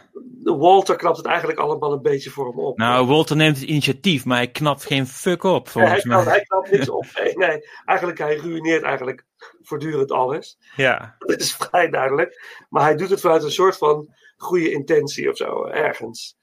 Ja, omdat hij geld wil. Goede intentie. Nou, hij probeert zijn vriend te helpen, dat ook. Dat denk ik wel. Ja, dat, Ja, zit, zeker. dat zit er zeker in. Mhm. En natuurlijk ook de, eh, de dood van Donnie op een gegeven moment. Ja. Wat leidt tot een van de meest hilarische scènes uit de film. Vind ik persoonlijk. Mhm. Ja, vinden heel veel mensen. Dat vind En terecht. Ja, dat ze hem eh, gaan uitstrooien. En Ja. dat eh, Ja, Steve Buscemi die had eigenlijk eerst zoiets van: ik wil die rol van Donnie eigenlijk helemaal niet spelen terwijl ik script aan het lezen was. Ik, kan, maar ik word helemaal uit me afgekat en eh, ik kan bijna niks doen en zo. Waar is het goed voor? Alleen toen hij die scène las, dus op het parkeerplaats, wanneer dat eh, Walter voor Donnie gaat staan om te beschermen, daar had je van: oh, maar ze zijn wel echt vrienden. Nee, maar dat maakt het wel mooi. Dus toen had hij zoiets van: nee, dan ja, gaan ja inderdaad. Donnie wordt voortdurend eh, afgesnauwd door eh, Walter. Ja, shut the fuck up, Donnie. Ja, die kan echt helemaal niks goed doen, die gast. Nee. Maar op het moment, als het moment daar is, dan, eh, dan beschermt, probeert hij hem in ieder geval Ja. te beschermen. Dus dat, Ken je de bizarre Donnie-theorie vast wel? vertel, me- vertel het me. Nou, mensen die, die hebben gespeculeerd dat Donnie niet echt is. Dat dat een onderdeel is van Walters eh, Vietnam-trauma. Dat dat een, een, een maat is van hem die is overleden in eh, Vietnam. Die er Oh. dus niet echt bij is. Je ziet hem wel bowlen, maar een bowlingteam heeft normaal maar twee mensen. En ze zitten daar met z'n drieën, dus dat is dan zo'n extra teken daarvoor. Eh, en ehm Lebowski, de dude, die, die erkent hem eigenlijk maar één keer echt in de film. Voor de rest negeert hij hem de hele tijd. Dat is waar. Dus daarom was de speculatie van zou dat misschien Oh, zo dat zijn, maar dat is helemaal niet zo bedoeld. Maar het niet. is een mooie, het is een mooie eh, eh, speculatie. Wat ik een mooi detail vind is eh, dat Donnie altijd strikes gooit. De ene keer dat hij niet een strike gooit is zijn dead man's hand. Is vlak voordat hij sterft ja. aan een hartaanval. Ja. ja, dan heeft hij ook even die, die blik, die verbaasde blik van... Ja, precies zo. dit is Dit allemaal- hoort niet zo te gaan. Ja, ja. Ja. Ja. dat is heel mooi. Ja, mooi. eh, ge- ja, geweldig. Leuke film. Ja. Ehm, ook eh, eh, Hotel California komt er natuurlijk in voor. De, de Ja. nummer van eh, de Eagles. Terwijl dat Lebowski zoiets heeft, een hekel heeft aan de Eagles. Precies, ja. Hij heeft echt een verschrikkelijke hekel aan de Eagles. Dus des te mooier dat dat ook wordt gekoppeld aan zijn grote nemesis Jesus. Ja, In de versie Ja. van de Gypsy Kings. precies, ook nog inderdaad. Het is niet eens, eh, er zijn niet eens de Eagles zelf, maar het is de, de Gypsy Kings eh, versie. Notabene. Dus het, eh, heel mooi, heel mooi. T-Bone Burnett, je noemde hem net natuurlijk al. Ja. Die eh, heeft, eh, is- was een music consultant voor. Ja, heeft die soundtrack heel erg mooi samengesteld. Ja. ja, ja, heel, heel bijzonder. Ehm, Ja, ook wel een grote ode aan film noir voor de Coens. Alleen dan een beetje een anti-noir. In ieder geval qua, qua detective die ze erin zetten. Maar de titel deelt wel twee van de drie woorden van de titel The Big Sleep. Oh, oké. Dat wordt Ja. vaak van gespeculeerd van is dat bewust? Dat zou zomaar kunnen. Maar eh, de, de, de Humphrey Bogart detective die helemaal opgaat in de zaak en zo is een beetje de antithese van, van de dude die helemaal geen zin heeft om dat te doen en zo. En vooral wordt gedwongen om zich ermee te bemoeien. Maar daarom ook weer leuk die rol van John Polito eh, die dan hem gaat erkennen van ja, ik ben zo'n goede detective, ik ben jou maar aan het volgen terwijl ik zoek naar, naar eh, mevrouw Gunderson. Naar, eh, dus eigenlijk eh, het, het, de, de jonge vrouw Bunny Lebowski. Ja, ja, ja, ja. Ja. Maar zoveel prachtige details in deze film. Logjammen. Ja. ja. En ook eh, de, de rol van. eh, Philip Seymour Hoffman. Oh ja. Ja, Oh, ja, ook- God, en ook die... De fantastische scène, ja, dan moet ik altijd denken aan. Ik heb natuurlijk een dochtertje van drie. Daar zit de scène dat, dat eh, eh, de dude langs eh, de, de, de, de wand loopt met alle mooie foto's van de, van de, de, de, de rijke Jeffrey Lebowski. En de mag Achievers. ja, en dan mag hij iets niet aanraken. Don't, don't, don't touch it, please, don't touch it. En dan zie je hem het nog een keer aanraken. Hey, don't touch it, don't touch it. En dan lopen ze eigenlijk weg en dan raakt hij het nog heel even, nog, nog even aan. Ja. Dat kinderlijke onschuld, dat toch dat. Ik laat me niet vertellen wat ik moet doen, zit daar een beetje in. Dat vond ik, ja, vond ik fantastisch. Maar Hofman die, die speelt dat ook prachtig. Dat lachje dat erbij zit is schitterend. En die, die bijna verliefde verering van de Lebowski waarvoor hij werkt is ook eh, iets heel erg moois. Er zit iets heel erg onschuldigs in. Maar hij is ook gewoon iedereen te vriend aan het houden. En steeds maar aan het lachen om het meest gruwelijke wat er wordt gezegd daar en zo. Ja, fantastisch. Ja, heel bijzonder. Geweldige film. Zeker om eh, vaker te kijken. Maar ik ga ervan uit dat iedereen hem wel soort van gezien heeft. Als, eh, Ja, maar- ja, ja. Eh, nummer 7? Everybody's Nummer rushing to see the most outrageous comedy in years. Hold on, Nathan. People magazine calls it an assault on the funny bone. Hang on for the joyride. USA Today raves four stars, a wonderful, one-of-a-kind comedy. And Newsweek calls it hilarious, a hoot and a half. Raising Arizona, a comedy beyond belief. It ain't Ozzy and Harriet. Rated PG-13. Now playing at select theaters. Ja, Ja, dan zijn we alweer.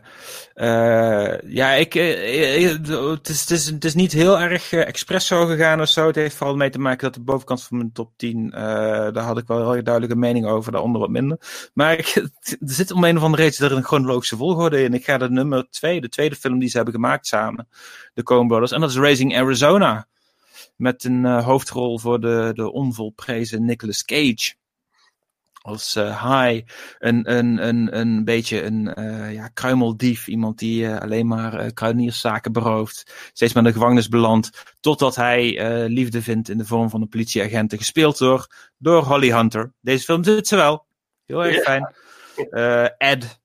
En zij trouwen samen, maar ze komen erachter dat zij geen kinderen kan krijgen. Wat lijkt op het einde van de droom. Maar als ze achterkomen dat Nathan Arizona, het hoofd van een, een onbeschilderd eh, meubel-imperium, een vijfling heeft, denken ze van, nou, hij heeft er meer dan genoeg. Kunnen best een van jatten. En vervolgens ontstaat er een, een, een flink groot spel. Er zijn twee eh, oud-celgenoten van, eh van die erbij in de buurt komen. Er zijn andere vrienden die, die niks te weten mogen komen. Die, die juist weer proberen om een swingersavondje te plannen met High en Ed.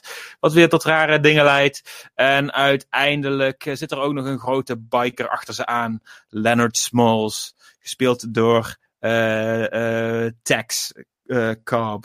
Oh jeetje. Een Randall Tex Cobb, zo heet die man. Een grote bruut van een vent op, een, op een motor die achter ze aan zit. En uiteindelijk komt het, eh, eh, weten ze eh, Randall Tex Cobb, eh, weten ze Leonard Smalls toch te verslaan.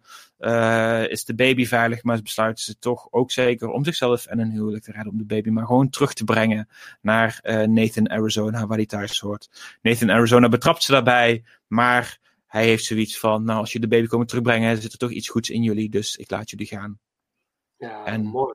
Ja, het eindigt met een droomscène van Hai, die droomt van een glorieuze toekomst, waarin ze toch een gezin kunnen krijgen op hun eigen termen. Nu je dat zo vertelt, hè, Ja, denk ik van, fuck, waarom staat hij niet in mijn top 10? hij had er eigenlijk in moeten staan. ja. Want ik, hij is echt fantastisch. ja.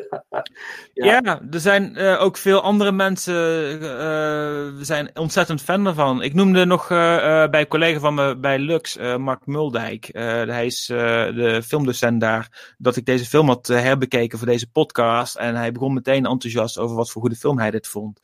Ehm, Edgar Wright, de, de filmregisseur, noemt het als zijn favoriete film in meerdere interviews.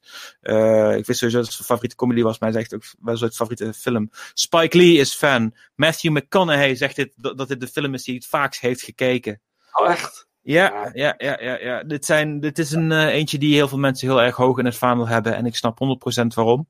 Ehm, hij komt wat eh, luchtig over eh, binnen het werk van de Coens. Maar Dat is hij ook. Het was ook, eh, eh, nadat ze Blood Simple hadden gemaakt en geld kregen om een nieuwe film te maken, dachten van we moeten een beetje naar dat hele duistere, vuige iets, moeten we iets doen tegenover zetten dat juist heel erg luchtig is en heel erg vrolijk en upbeat is. En dat werd Racing Arizona. Het heeft nog steeds wat van die film elementen heel erg erin zitten, want daar ontkomen ze niet aan.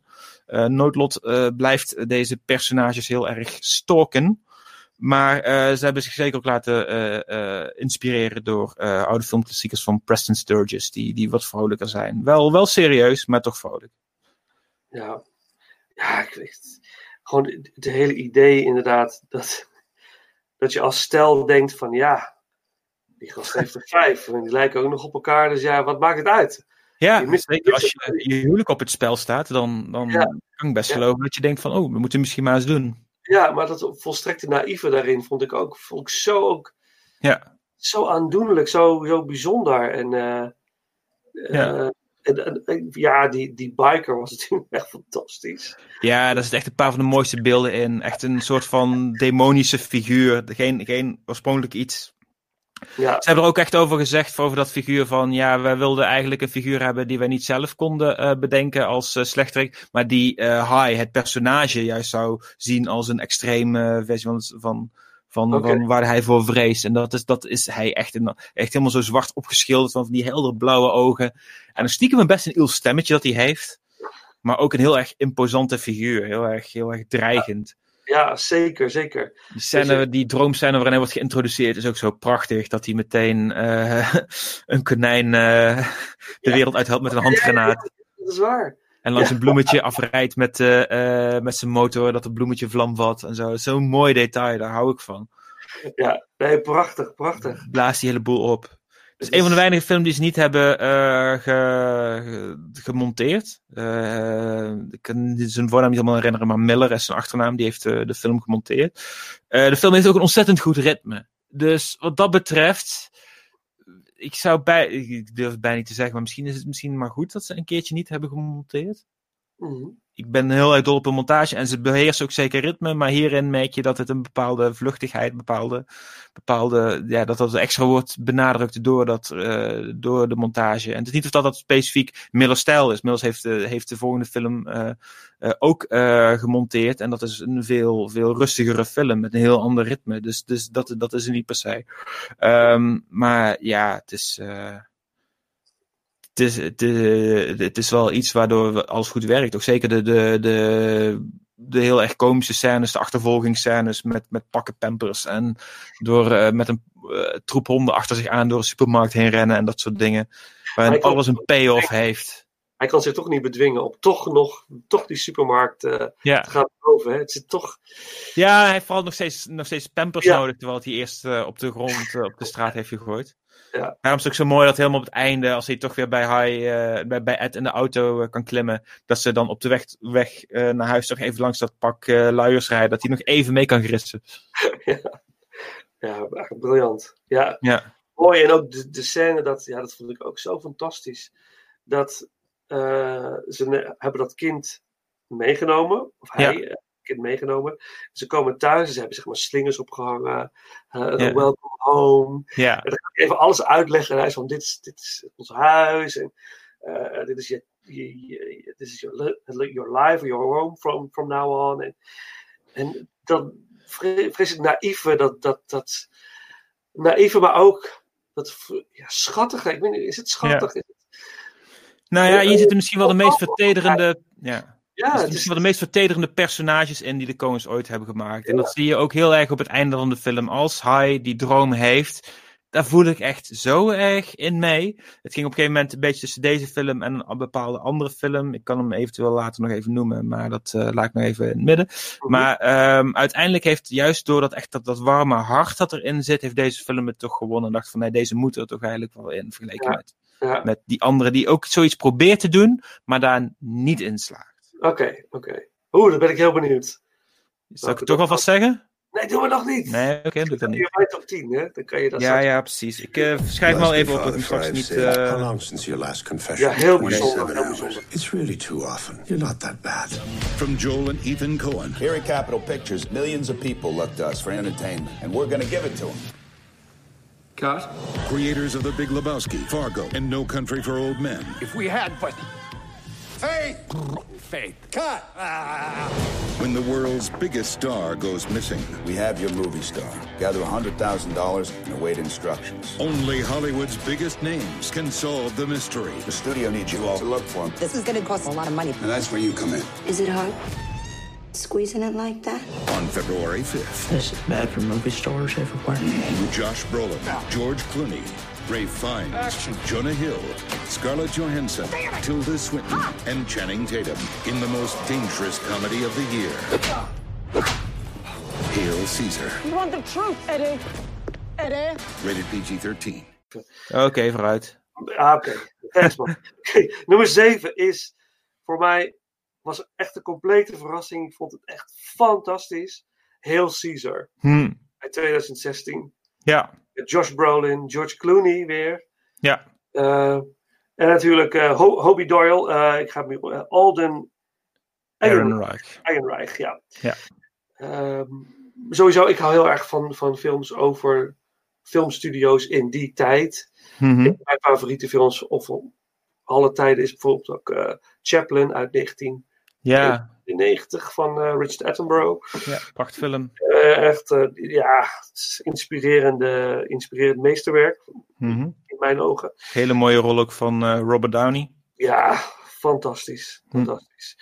Maar in ieder geval, dit is een, film die speelt zich af in Hollywood in de jaren eh 50. Ja.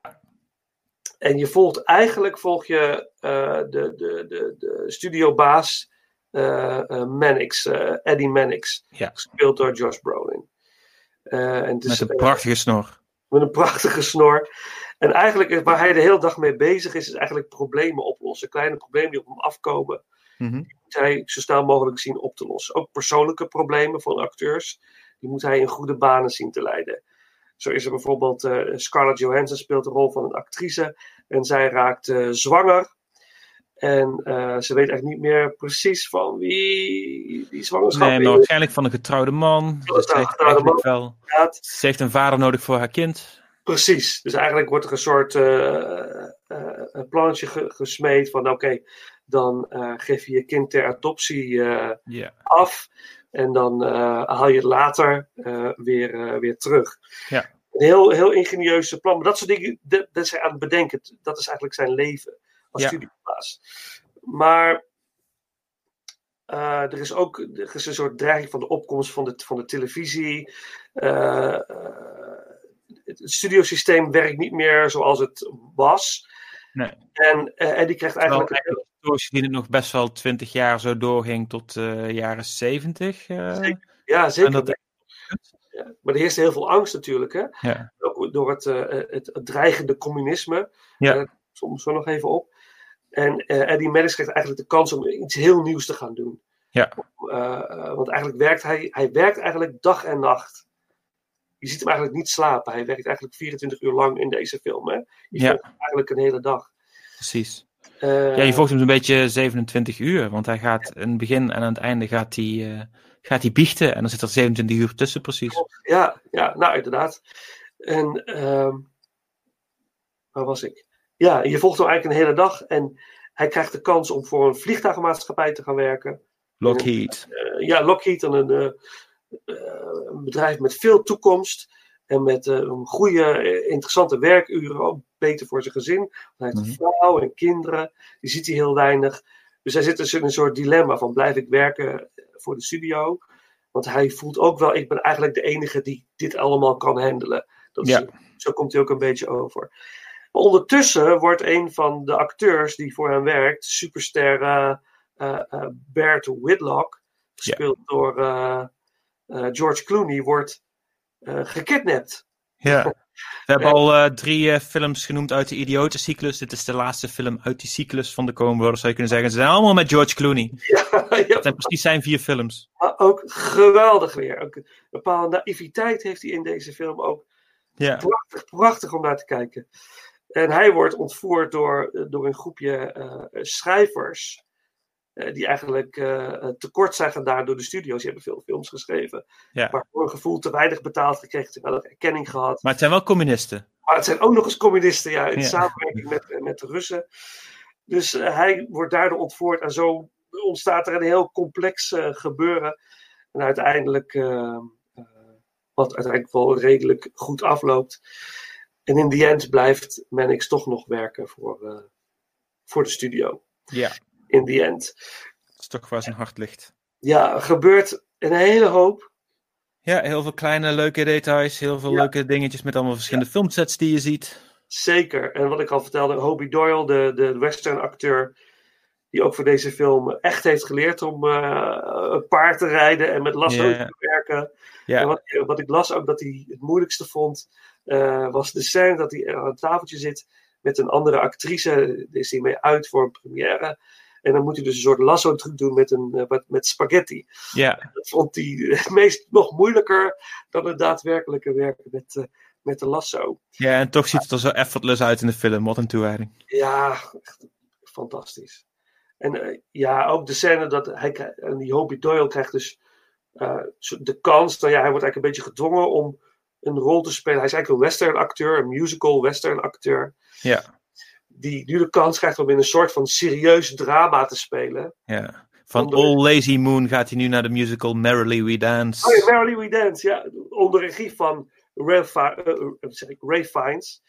Natuurlijk. Lawrence Lawrence. Lawrence Lawrence, ja.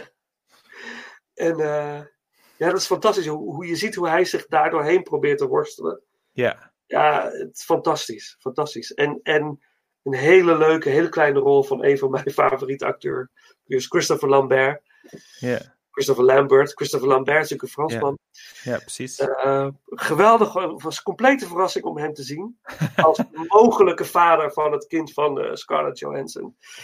Ja, ik heb echt onwijs genoten van deze film. Ontzettend echt laugh out loud. En Hey, ik, ga, ik ga misschien wel even iets zeggen wat je toch heel erg jammer zult vinden. ah ja, kom maar op. Ja, ik kan handle it. Dolph Lundgren is er zo goed als uitgeknipt. Ja! Die, zou, die zat erin als de U-boat captain. Oh, dat was zo jammer. alleen, ja, je ziet alleen zijn, eh, zijn, zijn profiel in de schaduw. Ja, ik las Ja. het. Ook zo Silhouet, sorry, profiel. Ja, silhouet aan profiel in de schaduw. Ha. Ja, ik wist Ja. het niet. Ik las het pas achteraf. Dus ik heb het Ja, ook echt vanwege tijd was dat eh, blijkbaar.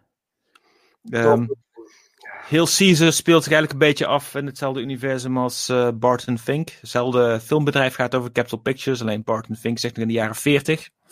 Dit is dan jaren 50, dus in tien jaar later een studiosysteem dan eh er aan toe is. Dus eh, daardoor zitten er ook best wel wat eh, eh, kleine overeenkomsten in.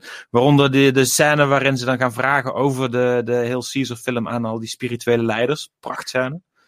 Dat is in de Wallace Beery Room. Maar Barton Fink, in de film Barton Fink, schrijver, die schrijft een, een, een worstelfilm voor Wallace Beery. Daarom is er toch, even, toch nog een knipoog daarna. Oh, mooi. Ja. En de titel Hail Caesar, die komt dan weer voor in Burn After Reading. In de bioscoop waar ze naartoe gaan voor eh eh romantische comedy. Dat las ik, ja. Was Ja. me de eerste keer niet opgevallen, omdat ik Burn Reading eerder zag dan Hail Caesar. Ja. Maar ja, Ja, het hangt daar een poster van. En eh, ze waren eigenlijk al tien jaar bezig met het script, maar uiteindelijk moesten ze hem toch gaan maken, omdat George Clooney tijdens een persconferentie, toen ze hem vroegen van wat ze voor een film hadden ingezet, zei hij Hail Caesar. En toen moesten ze ineens aan de bak gaan van, oh, dan moet die film toch maar echt eens gaan maken. fantastisch. Wat vond jij van de film? Ja, schitterend. Ik heb hem nu eh, weer herbekeken. Ik vond hem weer opnieuw eh, heel erg eh, tof.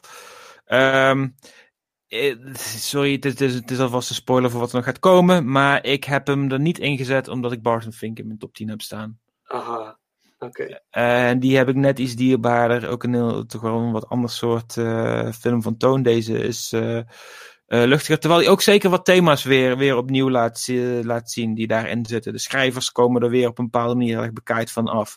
Eh, regisseurs wordt eh, weer op een bepaalde manier heel erg eh, eh, lollig mee omgesprongen. Dat soort dingen zijn allemaal eh, heel erg eh, cool gedaan. Je merkt ook wel dat het een beetje qua ideologie, et cetera, qua sommige dingen ook weer daarop voortbouwt. Dat hele gedoe met communisme en ook wat fascisme, et cetera, dat, dat speelt in, in Barton Fink. Ja, daar wat meer fascisme hier in communisme. Mhm. Maar ja, er zitten ook al wat, wat van die overeenkomsten in. Oké, nice. Ja. Barton Fink, ja, daar komen we dan straks vast, eh, vast nog op. Gaan we nog over spreken. En wat ik ook las, is dat was ook wel leuk dat, eh, dat eh, gebeuren rondom Scarlett Johansson, die haar eigen kind dan terug zal adopteren. Ja. Ehm, dat is een soort van gebaseerd op een waar gebeurd iets. Hè? Ja. Diana Moran, las ik. Eh, zij was zwanger geraakt van Clark Gable. Ja.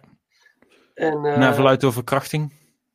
Oh, is dat zo? Oh, dat eh, weet ik dan Dat niet. is iets wat ik wel erbij heb gelezen. In ieder geval, de beschuldiging zit daar wel ergens in de lucht. Ja. Ah, maar inderdaad, zij gaf haar dochter weg en 19 maanden later opnieuw weer geadopteerd.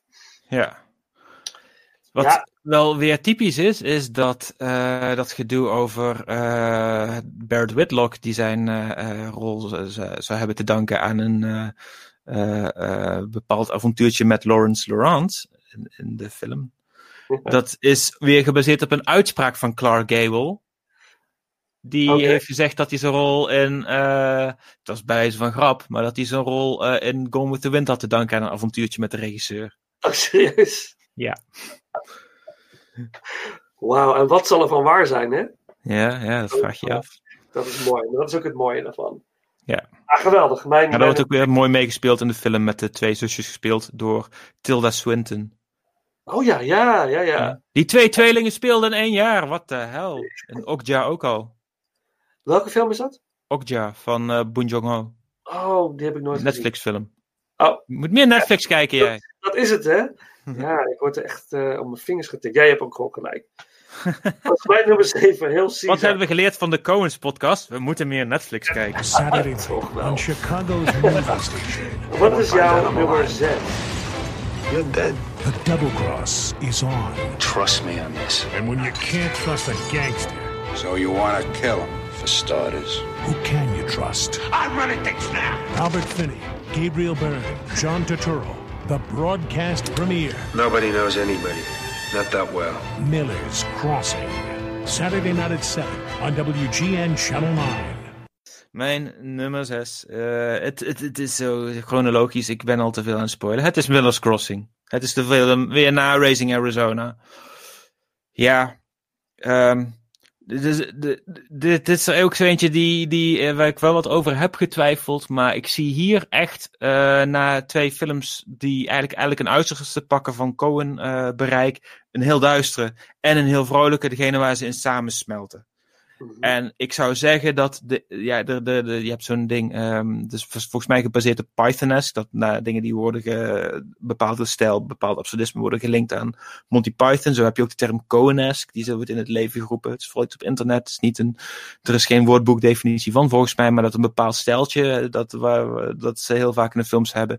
En volgens mij wordt Coenesque echt geboren in deze film. Er zitten al wat, wat van dingen die er naartoe neigen in Raising Arizona. Zeker het personage van John Goodman neigt er al best wel naar.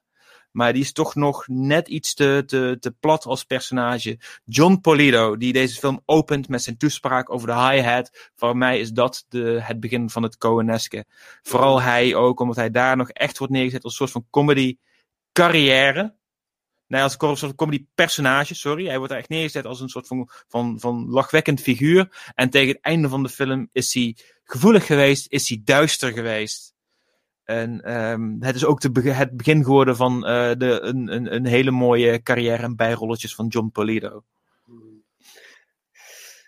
Ga door, ga door. Ja, het is een, eh, een gangsterfilm. Hun eh, gangsterfilm, ook zeker heel erg schatplichtig aan oude gangsterfilms uit Hollywood. Eh, zoals ik al zei, het is gebaseerd op de Red Harvest. En daarom ga ik niet al te hard mijn moeite doen om het plot in heel erg specifieke details samen te vatten. Het gaat er vooral om, je hebt Tom Reagan. Hij is een beetje de tweede man van een gangsterbaas. Eh, die, eh, die eh, een maîtresse heeft, et cetera. Maar waar het over gaat is, zeg maar, die, die baas van hem en het personage van John Polito, die gaan botsen met elkaar. En als figuur die daar een beetje tussen komt te staan, gaat Tom Reagan die twee kanten tegen elkaar uitspelen. En dat is hetgene waar het heel erg schatplichtig is aan Red Harvest. Ehm, En eh, uiteindelijk komt alles goed voor eh, Tom en ook voor zijn oude vriend, maar niet zozeer voor eh, de broer van de vrouw, die een heel belangrijk speelstuk is. Een rol van John Turturro. De eerste keer dat hij samenwerkte met de Coens. Het was ook de eerste keer dat Steve Buscemi samenwerkte met de Coens als Mink. Als een, ook een, een heel snel pratend personage. Buscemi kreeg ook de rol omdat hij zo snel kon praten. Ehm ja, de- de- de- er gebeurt hier heel veel in wat uiteindelijk heel erg eh, het, het, de, films van de Coens bepaalt. Het is ook de laatste keer dat eh, Barry Sonnenfeld de film voor een, ja, in achter de camera gaat staan en zo. Hierna gaat hij zelf aan het regisseren met de Adams Family. Maar eh, ja, hij heeft nog een andere film geschoten nog in de tussentijd. Maar dat maakt even niet uit. Ehm, ja, Blijkbaar hebben de Coens nee gezegd eh, tegen het filmen van eh, Batman, de Tim Burton film uit 1989, om Ja. deze film te kunnen maken. Las het. Ja, ik, eh, het, het is zo'n zo'n feitje van ik denk van, ja, het zal prima zijn. Eh, waarschijnlijk hebben ze wel meer aanboden gekregen omdat Racing Arizona een commercieel succes was. En is dit zo'n dingetje van, ja, ze zijn ooit gepolst en ze hebben nee gezegd. En er wordt gezegd van, oh, dat was voor Miller's Crossing. eh. Ja. En het was, eh, wat ik ook las, ze waren bezig met het schrijven van, eh, van Miller's Crossing, maar ze raakten een soort writer's block. Ja, En daardoor zijn ze Barton Fink gaan schrijven. Precies. Over een schrijver met een writer's block. Dus het ja. een heel mooi detail. Ja, zeker. Eh, dat hebben ze daar allemaal in gepompt. En eh, dat eh, ja, levert een film over wat, wat, wat, wat, waarover we het straks nog even gaan. Ja, zeker, zeker. Nou, persoonlijk, ik, eh, ja, hij komt straks nog terug, maar we hebben het er nu al uitgebreid over. Maar ik vond Miller's Crossing echt fantastisch. Ik, ik, ik had hem gezien, ik werd, werd gegrepen door gelijk het begin inderdaad al. Was ik gelijk, wat, wat is dit, wat is dit, wat is dit? Het is echt fantastisch. Ik moet het eigenlijk nog een keer terugspoelen en nog een keer kijken, want wat voor informatie komt er nu op mij af, zeg maar. Want dat Ja. is echt heel veel. Ja, En best veel gebeurt offscreen, wordt alleen genoemd. Ja, het is superveel. En het is, echt, ik wil, oh jeetje. En eh, goed, dan laat je je meevoeren. Nou, ik vond het, ik vond het zo verschrikkelijk mooie film. Ja. En eh, daarna, het was al later, daar ben ik opnieuw gaan kijken. Ik wilde, dat heb ik soms, hè. Als Ja. het echt gaat, wil ik hem meteen daarna gewoon nog een keer kijken. dat heb je soms met sommige films, heb je dat. hè. Heb je dat nu gedaan? Dat heb ik gedaan met Miller's Crossing. Maar ik ben in slaap gevallen omdat het te laat was. Dus ik kon maar ik moet hem binnenkort weer gaan kijken. Want... En ook de soundtrack. eh, we gaan Mhm. er ook een stukje van, van draaien in, tijdens de podcast hiervan. Ja. Zo, zo mooi. Ik vond het zo... De hele, de hele sfeer. eh, Prachtige scène, prachtige versie van Oh Danny Boy. Ja. Ehm, Ja. de, de, de- het shot met de hoed die wegwaait is prachtig. ja. Het is ook mooi hoe daar complete draad mee wordt gestoken als eh, Tom het heeft over een droom waar hij achter zijn hoed aan het jagen is. Ja. En dat eh, eh, zijn, zijn maîtresse, wat eigenlijk dus ook de, de, de vriendin is van zijn baas Leo, dat die dan ja, gaat raden wat er in zijn droom gebeurt. En dat hij zegt van nee, dat is niet zo, want het is Tom. Ja. En, en het moment, vond ik ook zo.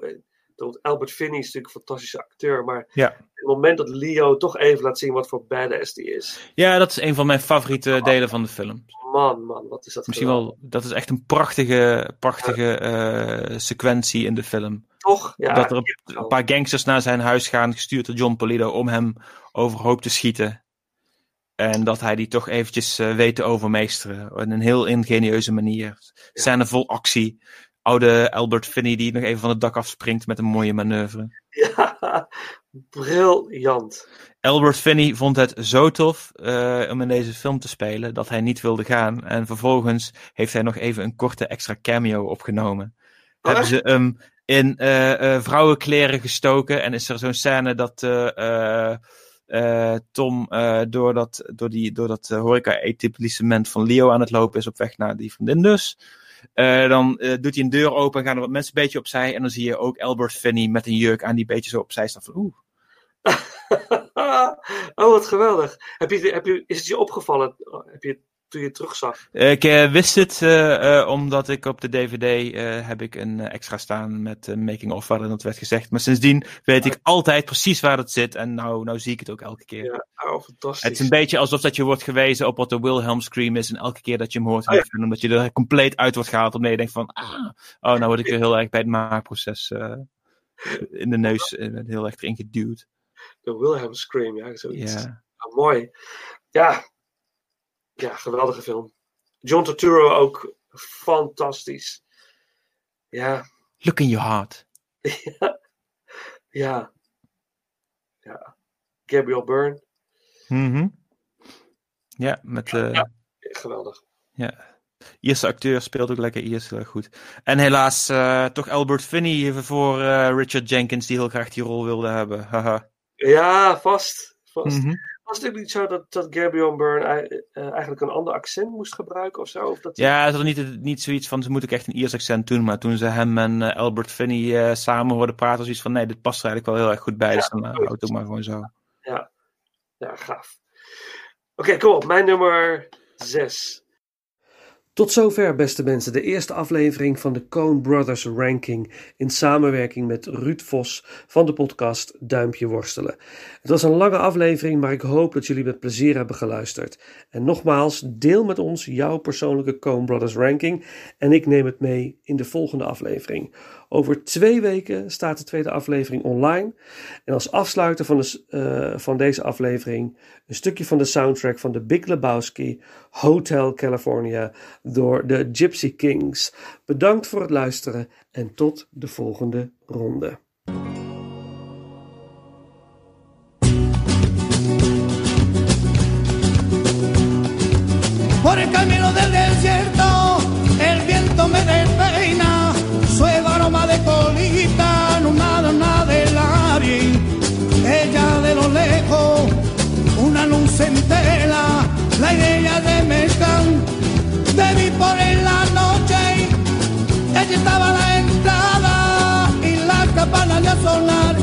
Y me dijo ya mismo que puedo del cielo.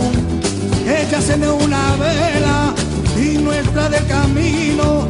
Soy vos el corredor y yo te dije diciendo Welcome to the Hotel California Such a lovely place Such a lovely place Welcome to the Hotel California Set your love ablaze. Set your love ablaze. Set your love ablaze.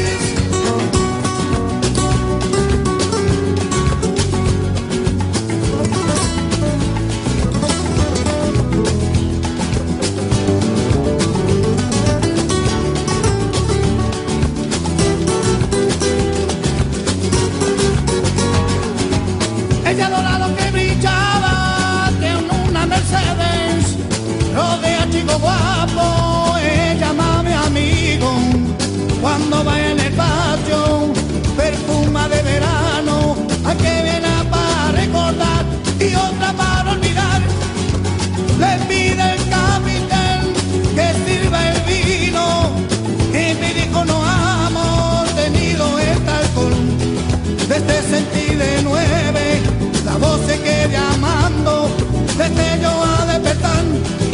La noche para decir, Welcome to the Hotel California, such a lovely place, such a lovely place. Welcome to the Hotel California, such a lovely place, such a lovely place, a. En el espejo en el techo, champana en el hielo. Y ella dijo, somos todos prisioneros, propia voluntad. Y a los cuatro principales hacen su siesta, atacan a la bestia, pero no la logra matar. Mi último recuerdo, corearse de la puerta, debió encontrar el camino por donde había llegado. El de portero, con eso no recibir. Puede salir cuando quiere, pero nunca de partir. Welcome to the Seattle, California. Such a lovely place. Such a lovely place. Such a lovely place. Welcome to the Seattle, California. Such a lovely place. Such a lovely place. Such a lovely place.